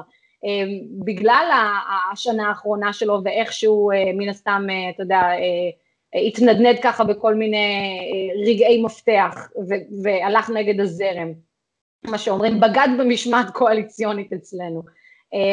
אז זה לא נכון שהמפלגה לא מאחורי טראמפ. גם אם היא לא מאחורי טראמפ, היא מאחורי תואר הבחירות, וזה אפילו לא קשור לבחירות כרגע, זה דבר שהרפובליקנים כל הזמן מדגישים, שאמצעי זיהוי בקלפיות, של, אה, אתה יודע, פה, פה, פה בניו יורק אתה יכול לבוא גם בלי תעודת זהות, נכון שאתה צריך להזדהות כשאתה נרשם להצבעה, אבל אם עשית את זה לפני 50 שנה, אז הכל טוב, כאילו הזדהית פעם, אתה בא לקלפי, אז אתה רשום, ואם אתה לא רשום אתה יכול לבקש אה, טופס תצהיר מיוחד, לחתום עליו, החתימה צריכה להיות זהה לחתימה שמופיעה במערכת, כלומר ההליך הוא, הוא לא מה שאנחנו מכירים בארץ, שכאילו אצלנו אין, אין שאלה בכלל שאתה צריך להגיע לקלפי, יש לך פנקס בוחר, אתה יודע איפה להתייצב, אתה יודע מה השעות של, הפת... של הפתיחה של הקלפי, אתה בא, אתה נותן תעודת זהות, חותם, נכנס, מצביע, מוודא שאתה שם רק פתק אחד, הרי אנחנו עושים ככה, לוודא, אה, לא מקשקשת על הפתק שלי, לא מקפלת את הפתק שלי, סוגרת את המעטפה, כי אם לא, הפתק שלי נפסל. פה זה, זה לא ככה, כלומר, אתם זוכרים את זה גם מפלורידה אגב, בשנת 2000, אם אתה מסמן קצת אה, לא ברור, אה, יקראו לחוקר של מצרים עתיקה לנסות לפענח את סימון הפרעונים שלך, כלומר, תלוי כמובן באיזו מדינה, כל, כל מדינה משחקת לפי הכללים שלה. שוב, באיזה היקף הדברים האלה מכריעים ומשנים תוצאות, אנחנו לא יודעים, אבל אה, למה, ו... למה לא לבדוק? כלומר. תגידי, נכון, ובהינתן אה, שאנחנו בעצם, אה, התוצאות האלה יתקבלו, והחוקה, זה יתכנס עם החוקה, ונעבור את הערעורים וכדומה, וביידן באמת יהיה הנשיא וסגניתו, קמלה האריס, ייכנסו לבית הלבן בחודש ינואר. שתי שאלות מבחינתי שמאוד מסקרנות אותי. אחת, מה קורה עד ינואר? כי אנחנו זוכרים שאובמה בתקופה שלפני שהוא העביר את הכהונה עשה כמה החלטות דווקא, מה שנקרא, ל- לישראל, ודווקא באו"ם, ולא, אני זוכר שהיה שם איזו החלטה שהוא אה, לא נתן עליה וטו, ועוד איזשהו עניין או שניים בהקשר של הבנייה. אה, אז מה אנחנו צופים, אפרופו אה, נתניהו שהחל מאוחר, ואפרופו השיחה של נתניהו עם, עם טראמפ, שהוא כאילו ניסה להגיד לו, האם ביידן, סליפי ג'ו היה, היה עושה אותו דבר, ונתניהו ככה הלך בין הטיפות בהקשר הזה, אז אחד, למה אנחנו אה, צפויים לקרוא, בכל זאת יש לנו חודשיים, ואת יודעת, זה לא מעט זמן, חודש, כמעט, כן, חודשיים למעשה. אה, ושתיים, מה, מה אנחנו צריכים לדעת על, אה, על הנשיא הבא של אה, ארה"ב, שחשוב שנדע, ועל סגניתו, שהיא כאילו נעלם, אני לא יודע כלום. בוא נתחיל קודם משתיים, בוא נתחיל קודם משתיים, ואחר כך נדבר על ישראל. אתם שמעתם את הנאום אתמול? אתם ראיתם קטעים? מה חשבתם? בהחלט. אני, אני, אני אגיד משהו ששמע מוזר. הוא נורא מזכיר לי את בני גנץ. זה יישמע מוזר, אבל יש בו משהו, ושוב, זה הכל פרסונות תקשורתיות, את גנץ פגשתי בחיים פעם פעמיים, את ביידן לא יצא לי מן הסתם. אגב, זה נורא מצחיק איך כל חברי הכנסת הישראלים מהשמאל מעלים תמונות שלהם עם, אה, עם אה, נו, עם ביידן. ג'ון קרי, ביידן. כן, שהוא ביקר פה, והם ביקרו שם, והם היו במקרה בסופר, וזה פשוט מצחיק נורא, אני עם ביידן. כן, בסדר, אני לא רוצה להזכיר שמות, כי זה, כי זה עלול לפגוע במישהו, אבל יש כמה אנשים שהם באמת בשוליים של הפוליטיקה הישראלית, שהצטלמו עם ביידן, כאילו שהם מינימום ישבו בחדר הסגלגל איתו וקיבלו החלטות, אבל בסדר, לא משנה. אבל אני מסתכל על האיש, ואומר לעצמי, א', האם זה מנהיג העולם החופשי? זה האיש. מבחינת כריזמה, נראות, שפת גוף, אנחנו בעידן שבו זה חשוב הדברים האלה, אין לו את זה, סליחה. הוא נראה סבא חביב, זו האמת, סבא חביב, והאמת לא נראה לי גם במאה אחוז בריא. אם מותר, אני לא רופא. הוא בן 78-9, הוא לא נראה לי הכי חד והכי חזק. כן, וזה לא, כלומר, לא, לא, לא בקטע של גיל, חלילה, אנחנו מכירים גם אנשים... אבל 79 זה גיל... אה, אה, אברהם אבינו... נגיד שפרס, זיכרונו לברכה, פרס זיכרונו לברכה, היה נראה, אתה יודע, נראה לי יותר חד, כלומר, אפילו... אז זה קצת מדאיג אותי. ודבר שני, הוא נורא פרווה, נורא פרווה. הוא כאילו אמר את הדברים הנכונים, אבל לא היה שם אפילו משפט אחד שאמרת, אוקיי, יש פה השראה, יש פה תשוקה, יש פה טוויסט, יש פה אפילו טעות, משהו. הוא היה נורא, הוא, הוא היה רובוט, אבל רובוט משעמם. יש רובוטים מעניינים. קצת כמו שחקני כדורגל אחרי המשחק, שכאילו אומרים את הדברים ש... הוא היה, כאילו אמרתי, זה האדם, הרי אמריקה עכשיו בכאילו פוסט-טראומה טראמפ. אז זה הגואל, זו התקווה הלבנה הגדולה שלכם, ביידן, ולכן אני חושב שזו הייתה בעיקר הצבעת רק לא טראמפ, זה לא הצבעת פרו-ביידן, זה הצבעת רק לא טראמפ, של הרבה מאוד אנשים, ככה אני רואה את הבחירות האלה. זה ברור, אבל אה, שוב, בוא נחזור לשיחה שלנו רגע שדיברנו לפני כחודש, חודשיים אפילו, אה, דיברנו על הסטייה מדרך האמצע והפשרה האמריקאית, שביידן אגב הזכיר את עניין הפשרה, הוא תנו לי צ'אנס, בוא, בוא נתפשר ובואו נעבוד ביחד, זה, זה אחד המסרים שלו מהנאום אתמול. אה, במידה מסוימת, הרי דיברנו על זה שהשמונה שעות נשיאותו של אובמה היו, היוו את הסטייה, את ההקצנה שמאלה מדרך הפשרה האמריקאית. אמ, כלומר, העברה של צווים נשיאותיים, התחלה של אה, התערבות בלוב בלי ללכת לקונגרס, אה, לשלוח את ה-IRS, את מס ההכנסה האמריקאי, אה, לפשוט על משרדי ה-Tea Party ולנסות to bring them down, לחסל את האידיאולוגיה הזאת בדרך כזו או אחרת, לקרוא למתנגדי ההפלות אנטי נשים או אויבי, אויבי נשים, כל מיני דברים כאלה.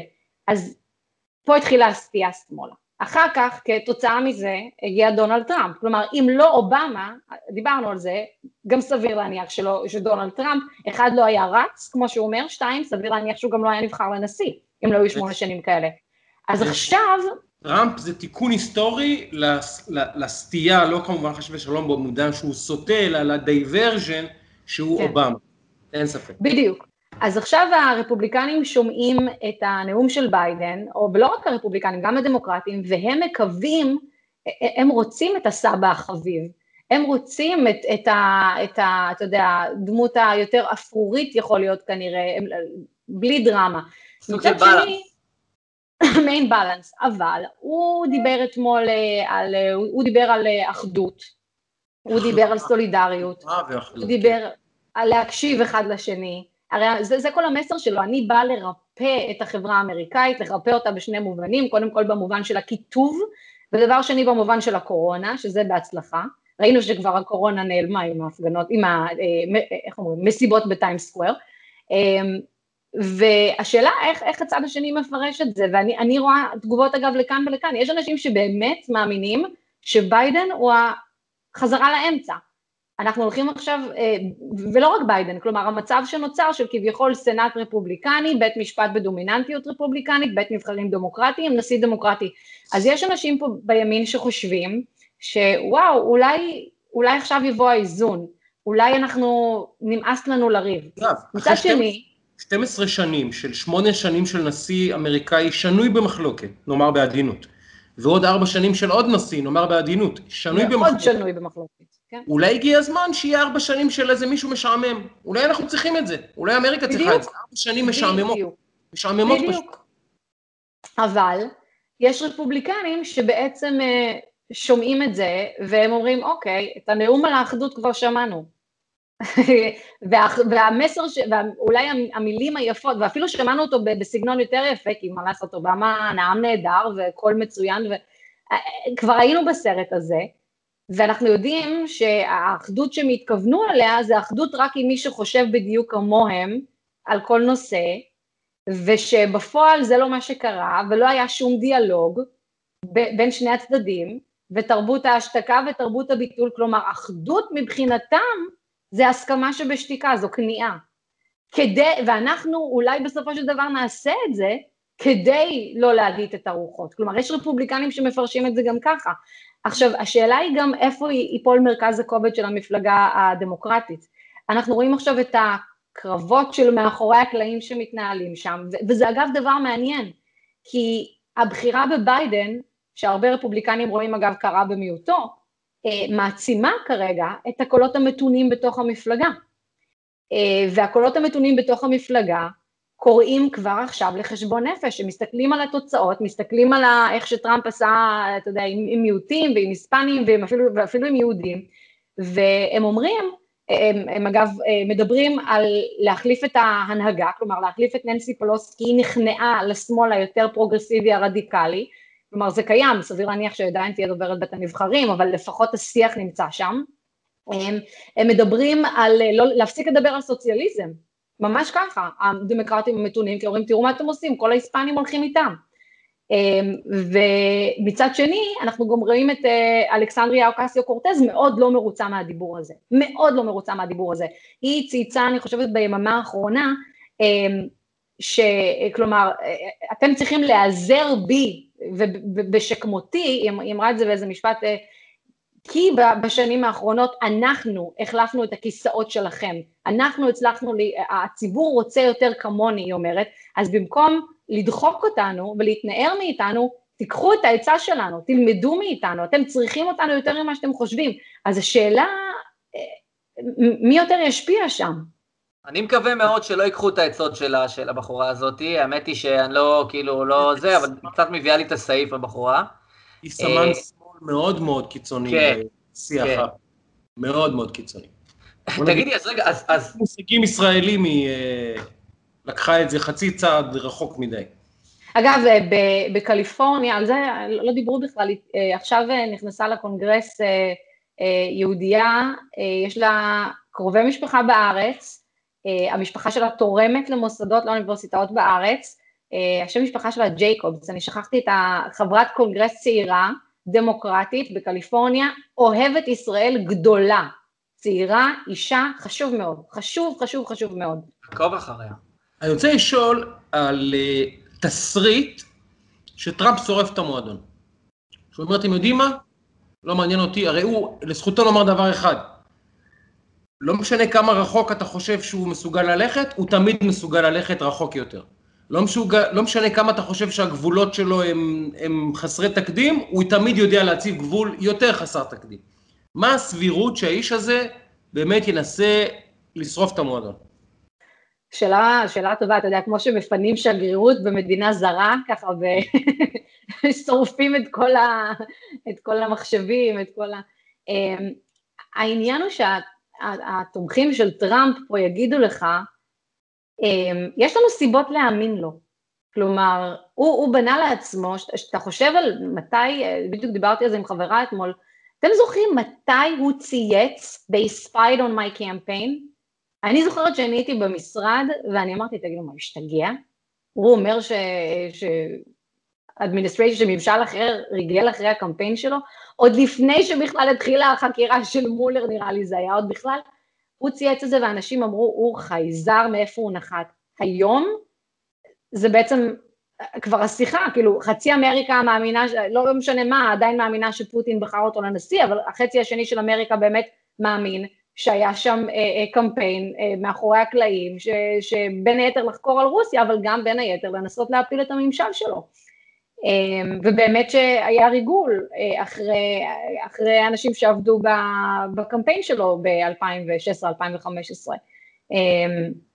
אתה יודע, המינוח פה, יש כאלה שיגידו ריגול, יש כאלה שאומרים שזה חקירה, יש כאלה שאומרים הדלפות, יש כאלה שאומרים public interest, כאילו, לא משנה, זה נרטיב, אבל יש להם סיבות בעצם לתומכי טראמפ להאמין לו שכשהוא אומר שיש משהו, אז יש משהו. עכשיו, אנחנו לא יודעים אם זה המצב, אבל אה, מבחינת הרקורד שלו, שאתה שואל על אה, לשרוף את המועדון, לא יודעת, אני, אני לא חושבת שזו הדרך של הרפובליקני, ו, ו, וזה לא רק טראמפ, כי נחזור למה שדיברנו בהתחלה, הרפובליקנים מאוד מתנגדים לגישה הדמוקרטית של כשאני מתוסכל ודברים לא הולכים כמו שאני רוצה, אז אני רוצה לבטל את האלקטורל קוד, אני רוצה לבטל את ה... אני רוצה שופטים אקטיביסטים בבית המשפט העליון ואני רוצה להרחיב את סמכויות בית המשפט העליון ואולי בכלל אנחנו צריכים לתת אה, אזרחות לכל מהגר שנמצא פה.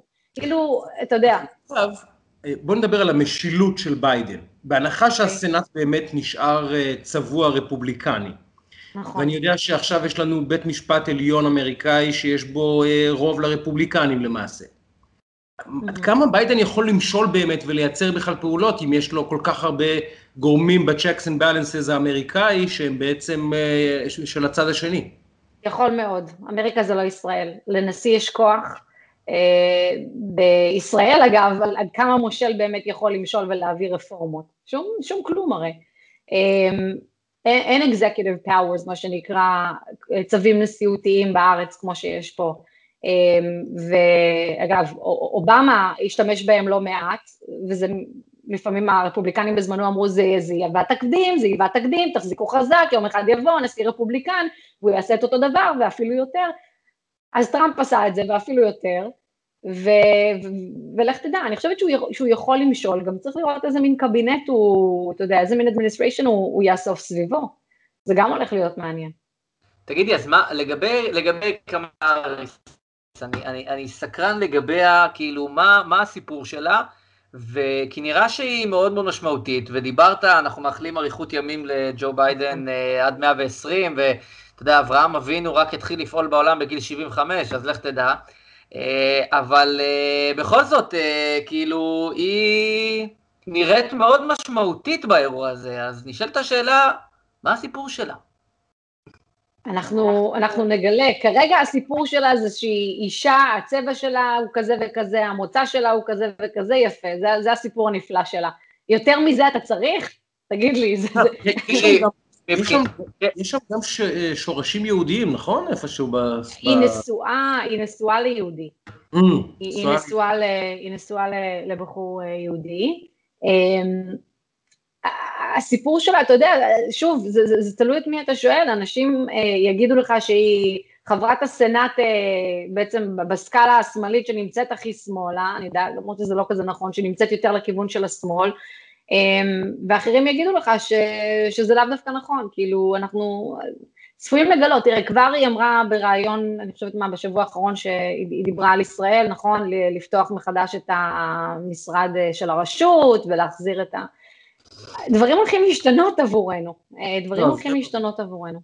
אז, אז בוא, בוא ניגע באמת בזווית הישראלית. עד כמה, כי בישראל, לפחות בצד הימני של המפה, יש תחושה של סוף העולם קרוב, ושאנחנו הולכים פה למשטר אובמה 2, עד כמה יש אפשרות שנתבדה בסופו של דבר, שיהיה נשיא דמוקרט שהוא לא יהיה לעומתי באמת. הוא יהיה אולי עם אג'נדה, אבל הוא לא יהיה לעומתי כמו אובמה. כי אובמה כבר היה באיזשהו שלב אחד הנשיאים היותר לעומתיים אה, כלפי ישראל, אולי הכי לעומתי שזכור לי. זה מדהים שבארץ אה, אה, לא, לא כולם מדברים ככה. איך זה, איך, איך זה יכול להיות, שי? אני, אני באמת... אה, אני לא מבין איך אנשים, ש... איך אנשים מסתכלים בעיניים פקוחות, בדיוק דיברנו על זה נדב ואני בתחילת הפוד. אמרנו, עובדתית, גם שונאיו של טראמפ בישראל מסכימים שהוא פרו-ישראלי. מסכימים, גם שונאיו, יש לו שונאים, ברוך השם, פה הרבה. אז אני אומר, תגיד, אתה מעדיף אדם שהוא כנראה אנטי-ישראלי במקרה הרע, או אולי אפילו אינדיפרנטי, על אדם שהוא פרו-ישראלי. יש לך אדם שאתה יודע שהוא פרו-ישראלי. איזה סיבה יש לך לרצות שאדם שהוא פרו-ישראלי, כשאתה חלק גדול מטיולך, מקיומך תלוי באמריקה, איזה סיבה יש לך לרצות שהוא ילך ויחליף אותו מישהו שהוא, לא, שהוא, שהוא כנראה אנטי-ישראלי? אני לא מסוגל להיכנס לראש הישראלי הזה, אני לא מסוגל להיכנס לראש הזה, לא מסוגל. הייתי אומרת לראש היהודי הזה, זה מין שנאה עצמית וביקורת עצמית שמוטבעת בנו באופן שלא קיימת אצל נראה לי עמים אחרים במידה מסוימת, זה מין רצון להזדכך ולטהר את הלבבות שלנו, אתם יודעים, על ידי טיהור כזה של אני, אני לא כזה, אני לא איתם, אני, אני נעלה, אמ, מין משהו כזה. אבל אמ, אני, אני, אני רוצה להיות אופטימית, אתם יודעים, אני רוצה להיות אופטימית, אבל צריך לזכור שזה גם, אגב, לא במידה מסוימת נכון, ממשל אמריקאי יכול אה, להגיד לנו כך וכך, אבל אה, אגב, גם בתקופת טראמפ, גם תחת נשיא כמו טראמפ, אמ, אני לא יודעת אם אתם מכירים את פרופסור עזרא זוהר, זכרו לברכה, הוא כתב את הספר פילגש במזרח התיכון.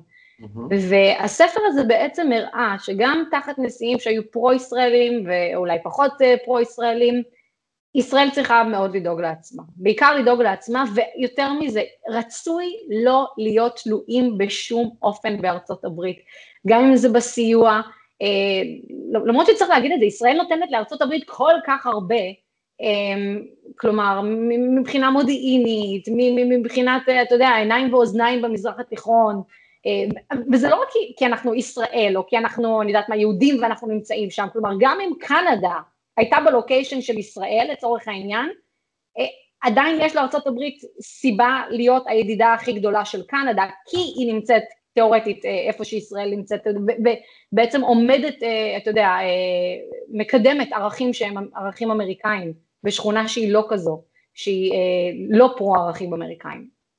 אז אני חושבת שלא לא משנה אם טראמפ היה ממשיך לעוד קדנציה, או, או, או, או ביידן עכשיו נכנס לבית הלבן, אנחנו צריכים להתחיל להתנער מהתחושה הזאת, אנחנו, אנחנו פילגש במזרח התיכון, אה, אה, ממש ככה, ואגב עזרא זוהר לא היה מאוד אהוד באקדמיה, אנשים כמו עזרא זוהר, אורי מילשטיין שהולכים נגד, ה, אה, נגד הזרם וכותבים דברים מהסוג הזה בעצם, אה, לא מחובקים על ידי הממסד בארץ.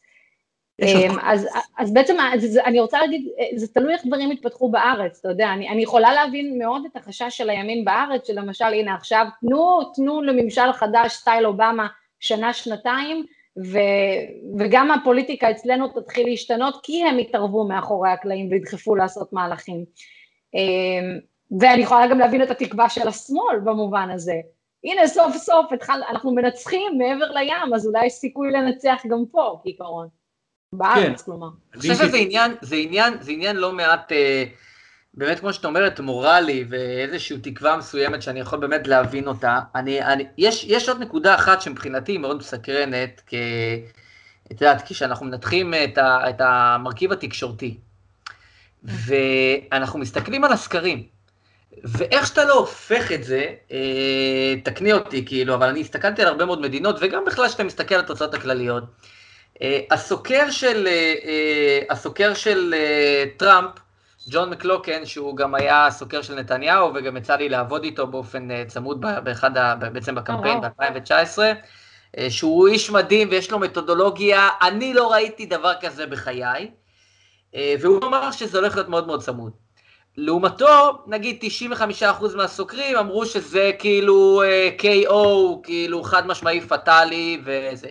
עכשיו, אני מנתח את זה ככה, או שאנחנו בתקופת הפייק ניוז, פייק סקרים, גם fake survey והכל פייק והכל כולם משקרים, אני לא יודע, נגיד, אפשרות אחת. אפשרות שנייה, זה שאני הסתכלתי וניתחתי קצת את הבליץ של טראמפ ב, בימים האחרונים, בצפון קרוליינה ובמקומות עוד נוספים, שהוא היה ממש, הוא היה אחד אחרי השני, הוא נתן מדינות בראש כאילו מדהים, זה היה מופע, אם למישהו יש, רוצה לקחת שעה, שיעור בתקשורת ובהעברת מסרים, וזאת השעה היחידה שהוא צריך לבחור, שייקח את אחד הנאומים שלו בבליץ התקשורתי האחרון במדינות, שהוא היה מדהים, פוזיטיב, נגטיב, באמת פנטסטי מבחינתו. ויכול להיות שמה שהוא עשה, באמת בבליץ האחרון, הטה את הכף לכיוונו. אבל משהו פה לא מסתדר, כי כמעט כולם צפו פה איזושהי תבוסה, וגם אם uh, אנחנו, כמו שאנחנו רואים, uh, התוצאות הן לטובת ביידן, הן לא באופן כן, דרמטי, זה צמוד. כן, אין פה ניצחון מחץ. כן, זה ממש צמוד, ואיך שאתה לא הופך את זה, אז, אז הם טעו. עכשיו, למה בעצם? זאת אומרת, איך זה קרה פה? אני מנתח את זה כאילו מבחינה תקשורתית, ולקחת את זה גם ל... ל ליום שאחרי אצלנו, אנחנו מסתכלים על סקרים, מסתכלים על חיזוי, ואנחנו מסתכלים על ארצות הברית, כאילו, אמורים להיות הכי מתקדמים בעולם בנושא גם הזה. גם אצלנו אנחנו מכירים את הטעויות האלה בסקרים, למרות שישראלים נהיו, ישראלים כבר הבינו את הטריק, אתם יודעים.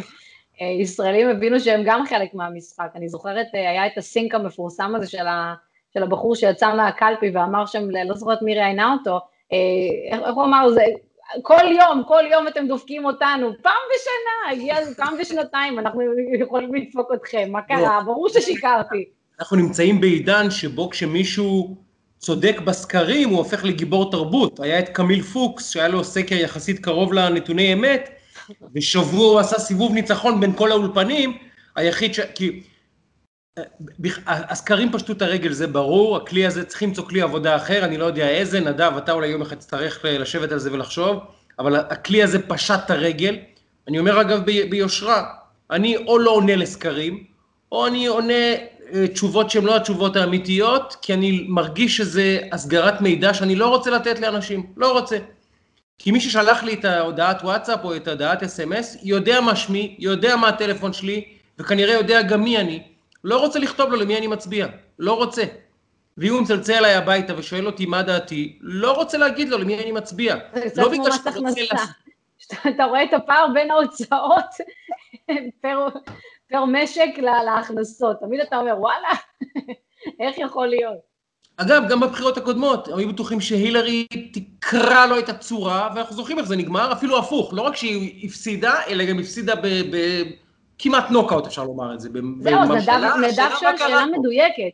אה, האם הסקרים וההדהוד שלהם בתקשורת הם בעצם חלק מיצירת הנרטיב ויצירת המציאות? כלומר, תראו, זה הולך לכיוון הזה, וכלומר, בגלל זה אגב הרבה רפובליקנים גם מתלוננים, כלומר, על ה calling של ה state, כלומר, התקשורת הרי אה, עושה את ה projection, אה, או מכריזה בעצם כבר על התוצאה במדינות מסוימות, ואז הם מחליטים האם היא אדומה או כחולה. אז uh, בעצם מה שראינו בתהליך של ה calling של ה state, עד כמה התמהמהו בפלורידה, למרות שההובלה כבר הייתה מאוד משמעותית, ומדינות אחרות, uh, המגמה בדיוק הייתה הפוכה, כי זה היה לטובת ביידן, כלומר קראו אותם הרבה יותר מהר כמדינות כחולות. אז על זה הרפובליקנים מתלוננים, כלומר, אני לא יודעת כמה זה נכון, כי הם אומרים למשל, יש עוד אנשים שעומדים בתור לפעמים להצביע, או טפסים שמגיעים בדואר מאוחר, ואתה יודע, מזייפים, או לא, או לא שמים שם את החותמת של הדואר, אז כאילו אנשים יכולים אה, להמשיך להצביע כשהם רואים את התוצאות, וזה משפיע לכאן ולכאן. עד כמה זה נכון, עד כמה זה קיים, עד כמה זה משפיע, לא יודעים, אבל, אה, אבל כן יש איזשהו מומנטום כזה ש, שנוצר אה, עם סקרים ועם ההדהוד שלהם בתקשורת. אני רוצה לסיום לשאול אותך, כי רני שלנו אומר לנו שאנחנו מתקרבים לשעה וחצי, ובשעה וחצי הוא מאבד את הסבלנות אלינו, אלייך ולחיים עצמם. אוקיי. הוא עונה לבורא עולם, ואומר לו, בורא עולם, למה בראת את העולם הזה והבאת את שלושה האנשים האלה לשבת במשמרת שלי במקום אחד? זה רני שלנו, הוא באמת, בסופו של דבר הוא רב, תדעי, הוא רב. איך את רואה את החיבור הפרסונלי נתניהו-ביידן? איך יושבים שני הג'נטלמנים האלה, אם זה בבית הלבן, אם זה אצלנו בירושלים, אני מניח שייקח זמן עד שהוא יקפוץ לירושלים, ביידן, אבל איך את רואה את נתניהו וביידן בזמן שיש לשניהם ביחד, מעניין כמה זמן זה יהיה, אה, איך את רואה את הכימיה האישית בין השניים האלה עובדת? יותר טובה מאשר עם אובמה. אה, בגלל, בגלל האישיות, בזכות האישיות של אה, ביידן. פה קריטי מאוד יהיה עניין זהות השליח במזרח התיכון. Mm. אם, אם יגיע ג'ון קרי, כלומר יש דבר שבמזרח התיכון מסכימים עליו כולם, ואני לפני, מה, שש שנים בדיוק נסעתי לאמ"ן לראיין את עבד אל-סלאם אל-מג'אלי, ראש הממשלה הקודם של ירדן, כלומר בעבר, שחתם על הסכם השלום על ישראל, ראיינתי, אני זוכרת שראיינתי אותו בערבית, וזה היה בזמן ממשל אובמה, ואני אומרת לו, עבד אל-סלאם אל-מג'אלי, תגיד, איך ממשל אובמה לדעתך קורא את המפה של המזרח התיכון? והוא אומר לי, חטא. כלומר, שוגה לגמרי. ואני הבנתי שאם יש דבר אחד שגם הפלסטינים אגב, שגם אה, אה, מדינות במפרץ, גם ירדן, גם מצרים, כולם יסכימו עליו, גם לוב כמובן יסכימו עליו, זה שג'ון קרי לא היה בכיוון. לא. וזה גם הפלסטינים יגידו אגב. ג'ון קרי לא היה בכיוון. אז uh, uh, אני חושבת שזה, uh, התפקיד הזה מבחינתנו הולך להיות מאוד מאוד קריטי. אני לא יודעת מי נמצא שם ברשימה, פשוט לא יודעת. אין לנו מושג מי ה State Department, מי ה State Secretary, סליחה? אין, אין קצה. אנחנו יודעים אולי מאיזה אנשים רוצים, או אתה יודע, וזה לא משנה, גם אליזבת וורן רוצה להיות שרת האוצר, זה לא הולך לעזור כרגע. אגב, הילרי, אין סיכוי שנראה אותה באיזה תפקיד אה, רשמי. זאת שאלה נהדרת. כי אני מריח, אני, אני מריח, שוב, החושים שלך טובים פי מאה משלי, בטח בארצות הברית, אני מריח שהיא זוממת על משהו. אני מריח שהיא רוצה לחזור למשחק באיזה תפקיד רשמי. זה כזה מריח... ציפי לבני, אולמרט. איזה שליח, אה, את יודעת, למשימות מיוחדות. היא רוצה לקחת איזה משימה ולקחת את הדרכון הדיפלומטי שלה ולהוביל אותה מנציג, כנציגת אה, הברית. אני, ככה אני מריח את זה. שוב, אין לזה שום. תגיד, אתה מריח גם את ניקי היילי ל-2024? כאילו, אתה מריח? זה, זה, זה אגב, זה אגב... אם אח שלך כבר מריח דברים, אני... זה אגב ריח שאני מאוד אוהב, אני מת על האישה הזאת, כאילו... זה נשמע, זה ריח שאני מאוד אוהב, אני מת על האישה הזאת, נראה לי אני מת על הניחוח, זה ניחוח, זה... לא, א', המפלגה הרפובליקנית יותר קשה לאישה להגיע לזכות במועמדות, יותר קשה, אין מה לעשות, זה הקהל יותר שמרני, זה אחד.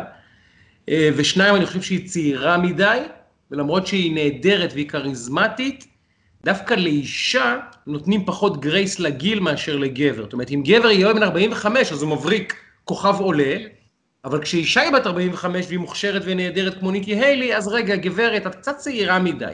זאת אומרת, זה מעניין איך אנחנו מתייחסים לגברים ונשים.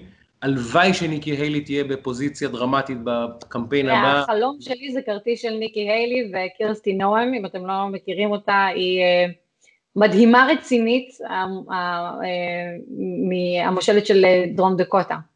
אז... אה, אני אגיד לך מה, מה, מה אני מעריך אגב, כי מסתכלים פה על הצד של ביידן והוא מן הסתם דרמטי, אה, נתניהו, ודיברנו על זה בעבר, אני, לא, אני חושב שהוא כנראה האדם האדפטיבי עלי, עלי אדמות. זאת אומרת, הוא ידע להסתדר עם כל מי שיהיה בצד השני, כי הוא כזה. עכשיו, אנחנו לא יודעים עוד כמה שנים, אנחנו לא יודעים מה יהיה, ובחירות לא בחירות וכדומה, אבל כל עוד זה במשמרת של נתניהו, אה, לי אין ספק שהוא ידע להסתדר מצוין עם, אה, עם ביידן ומי שיהיה בצד השני, בטח אחרי שהוא עבר את אה, ממשל אובמה, שזה באמת היה אה, דבר אה, מורכב במיוחד. אני חושבת שנתניהו ירוץ בפריימריז של הרפובליקנים בבחירות הבאות. זה, זה, זה, זה מה שיקרה.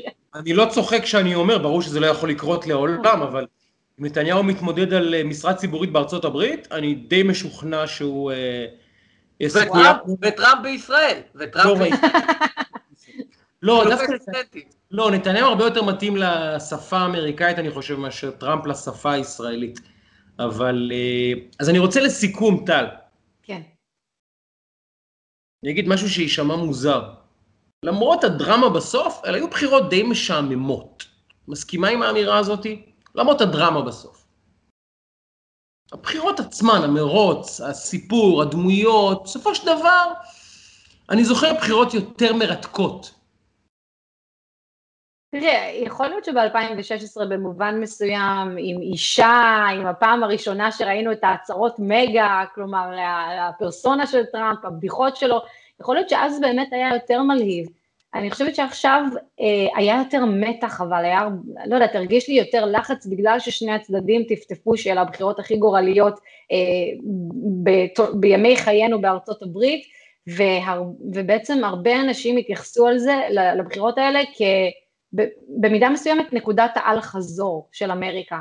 ו, וזה מה שמדאיג אותי אגב, רפובליקנים רבים אה, אומרים שיכול, כלומר, שוב, אי אפשר לדעת איך דברים יתפתחו, שיכול להיות אם דברים ימשיכו להתפתח לכיוון של השמאל הפרוגרסיבי, פה מתחילה נקודת האל חזור של החלום האמריקני כפי שאנחנו מכירים אותו, ומדברים על אימפריות שקורסות לאו דווקא מאויבים חיצוניים, אלא אתה יודע, ככה, מריקבון אה, פנימי אידיאולוגי אה, שהולך בכיוון הלא נכון, אה, חברתי, כלכלי, עניין הגזע כמובן, דיברנו על זה בפודקאסט הקודם, שיכול לאחל, לאחל, לאכול את אמריקה מבפנים, ומצד שני עבור דמוקרטים, יכול להיות שזה באמת מה שהם רוצים.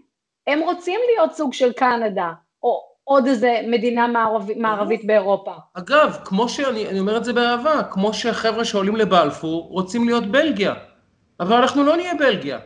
זה לא יקרה. אנחנו לא מוקפים בליכטנשטיין ובאוסטריה. אנחנו בישראל, במזרח התיכון, וזה המצב פה. אז אני יודע שהם רוצים להיות בלגיה, ושמוצר הדגל שלנו יהיה ליידי גודייבה, אבל זה לא עובד ככה. אנחנו בישראל, המזרח התיכון פה. ואני רק התחלתי במזרח התיכון, ולא פרקתי אותו לבדידים, כי אם יעבור עכשיו גורם גורם, אנחנו נראה שכל גורם בפני עצמו זה אתגר יותר גדול משיש ל-90% מהמדינות בעולם שמוקפות במדינה אחת. אז כמעט כל גבול שלנו הוא אתגר אסטרטגי שמרבית מדינות העולם בכלל לא מבינות עם מה אנחנו מתמודדים. אז אנחנו מוקפים במזרח התיכון. אז כשהם רוצים להפוך את זה לבלגיה, זה נחמד. אני גם רוצה להפוך את זה לבלגיה. אבל uh, זה נראה לי מעט לא מחובר למציאות. אני, אני, אני רק רוצה לסכם ולומר לכם רגע משהו עליכם, שהשיחות האלה מאוד חשובות, וזה, וזה שאתם עושים את מה שאתם עושים, ומדברים כמו שאתם מדברים, ואנחנו מגיעים לאנשים, כלומר, זה, אותי זה מרגש וזה מדהים אותי לראות את זה, כי um, את התוכן הזה, את התוכן של, אתה יודע, שיחת ארוחת שישי שלנו כרגע ביום, ביום ראשון בבוקר, בלי, בלי ארוחה ובלי שישי, אמ, זה, זה, זה, זה מאוד חשוב בעצם שהדברים האלה, הדיבורים האלה, הרעיונות האלה כן יעלו על סדר היום ושהשיח לא יהיה ברמה הרדודה, סליחה, אה, של אתה יודע, ציוץ פה, ציוץ שם ו... ובואו נתחיל לריב עליהם. אנחנו נקבע איתך שבהשבעה, סמוך אליה, לפני או אחרי, אנחנו ניפגש שוב, ויכול להיות, נדב, שאנחנו נחליט בעוד חודש שיש מספיק אה, התרחשויות ואירועים וסיבות שמצריכות אותנו וטל להיפגש עוד פעם. ובכל מקרה, תשרייני לעצמך את הינואר, כמה זה בינואר? 20 אה, נראה לי. 20, תשרייני לעצמך את ה-20, כי בהשבעה, בטח אחריה, בטח יהיה טקס מעניין, מעניין אם טראמפ יגיע, לא יגיע, מעניין מה יהיה שם, יהיה מאוד מעניין. אנחנו רוצים אותך איתנו כאן, שיהיה ברור. לגמרי. בעיקר מעניין מה מלניה תלבש, זה הדבר שהכי מעניין אותי. אני חושב שהוא לא יגיע. אני רוצה, אם, אם, יש, אם יש line, אם יש line על זה שהוא לא מגיע, זו, לדעתי זאת תהיה המחאה שלו. השאלה, לא י... הש, השאלה אם ביידן מגיע. אה, ותשמע, אני, אני רוצה להגיד לך שנגעת אה, בדיוק בנקודה, טל, אני חושב שזה מה שאנחנו מנסים לעשות פה, ו... ואני חושב שכאילו זה כיף אדיר לארח אותך אה, כאן, בפלטפורמה הזאת, ובדיוק בתוכן הזה ובתפיסת העולם ה... המגוונת והנרחבת הזאתי, אה, שבה אנחנו מחפשים ורוצים להעמיק. וכמו בפעם הקודמת, אה, גם הארת באלף, בעין ובכל אות אחרת, באמת, את, אה, את עינינו ואת אוזנינו, ואני חושב שבכלל, כל המאזינות, המאזינים, הצופות והצופים, וזה היה לעונג. תאר לך שטל היינריך היא שליחת אחד מהערוצים המרכזיים לוושינגטון או לניו יורק, או לחלופין, אה, כשפותחים אולפן פתוח, אז טל הנריך יושבת באולפן הפתוח, בין אם זה וירטואלית או בין אם זה, ולא נשמע רק אותו קול אחד, אה, שאנחנו, שוב, אה, לא משנה אם מסכימים או לא מסכימים איתו, אבל הוא אחד. אז הנה. הנה זה קורה פה כאן ועכשיו, נריץ קמפיין. נריץ קמפיין. אז אנחנו, אני חושב שהגיע הזמן, לא באמת, בלי קשר לזה תראה, שאת... אני, אני, אני, אני רוצה רק באמת לומר שאני דיווחתי, יצא לי, כלומר, עבודה נונסטופ, גם לילה, גם בוקר, בין אם זה לאברי גלעד אה, בעולם הבוקר של חדשות 13, אה, בין אם זה ערוץ 20, אה, ILTV במקרה, אם אתם רואים, וואלה, שהאולפן היה, האולפן הכיסוי, טל שלו הובילה אותו באמת באיזון ו- וניווט טל מופתי. שלו פעולה. טל שלו מעולה, ממש ככה, אז אה, ערוץ שהיא- הספורט אגב, גם כן, אבל... אה, יש פה אישה שהיא גם ידענית, גם אינטליגנטית, גם מנוסה מאוד בטלוויזיה, גם משמיעה קול אחר. אני... זה לא הרמה להנחתה, זה, זה, זה פשוט, אתה יודע, הכדור כבר בוא נראה את החיבורים. רק שמישהו ידחוף אותו פנימה, אני לא מבין מה העניין. אז טל, אנחנו מתחילים לגלגל את הפ- את הפרויקט אני. אני, אני עולה יקר, שי, אתה מבין? אה, הבנתי, זה הבנתי. אני, אני לא אספר פה את הכסף שאתם משלמים לי כרגע, אבל זה פשוט בא ביוקר. זה נפל על כסף. אה, נדב, משפט סיכום שלך ונשחרר את טל?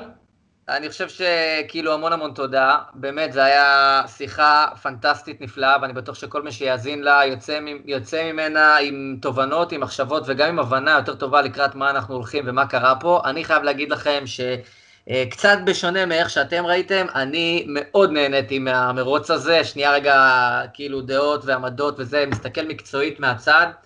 בכלל, מה שקרה פה עם הרשתות החברתיות ומה שקרה פה עם טוויטר, שלא הספקנו לדבר על זה, אבל זה גם אירוע ענק. ו- והצנזורה, ולא, ועל מי כן חוסמים ואת מי לא חוסמים, וכל העניין הפרוגרסיבי אה, זה- באמת, והחופש זה הדעות. זה מזעזע. קרו פה בעיניי כמה זה דברים הדבר הכי מזעזע. נכון, אתה יודע מה? אני רוצה לומר משהו. אני רוצה לומר משהו. כן, כן. אני חייב לומר את זה, מצטער, למרות שרני פה כבר מאבד את הקור הרוח. רני מאבד את זה. אבל רני באהבה זה משפט חשוב. ביום אחרי הבחירות עצמן נפתחה קבוצת פייסבוק שהיו בה 300 אלף חברים בתוך כמה שעות. חבל שאתם לא רואים את רני. רני, תעלה את זה לשידור.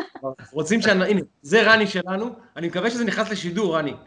מקווה מאוד שזה נכנס לשידור, מעולה. אז זה רני שלנו. איזה מלך. אז יום אחרי הבחירות, אה, אה, נפתחה קבוצה בפייסבוק של 300 אלף איש, שקוראים לבחירות חוזרות וקוראים שהבחירות לא לגיטימיות. פייסבוק סגרה את הקבוצה, יום אחרי, 300 אלף איש.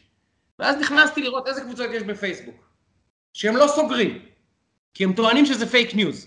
הם טוענים שזה פייק ניוז, 300 אלף איש שאומרים הבחירות נגנבו, בלה בלה בלה. אבל קבוצה שאומרת שה cabal עומדת מאחורי הקורונה, יש. כמובן תנועות אסלאמיסטיות קיצוניות, כמובן תנועות הזויות של אנשים שבטוחים שחייזרים אה, אה, עמדו אתמול בשער של בית"ר ירושלים ולא, אה, ולא השוער. כמובן שהזיות שאין לתאר, שזה לא פייק ניוז, זה מדע בדיוני של מדע בדיוני בפרק שאפילו עורך מדע בדיוני לא היה מפרסם, מתפרסמות כחופש הביטוי. אבל כשיש קבוצה שנפתחת יום אחרי הבחירות, שאומרים בה 300 אלף איש, תעשו בבקשה בדיקה של הקולות מחדש, או כשהנשיא אומר את זה, והרשתות חותכות מהשידור בשידור חי. זה מטורף. אה, כשמסמנים ציוצים של הנשיא ואומרים, אתם צריכים להביא בחשבון שיכול להיות שזה לא מידע מדויק, זה לא, זה מה זה? מה זה? אם איין רנד הייתה בחיים, מה אני אגיד לך? הייתה מה בוכה זה? כרגע.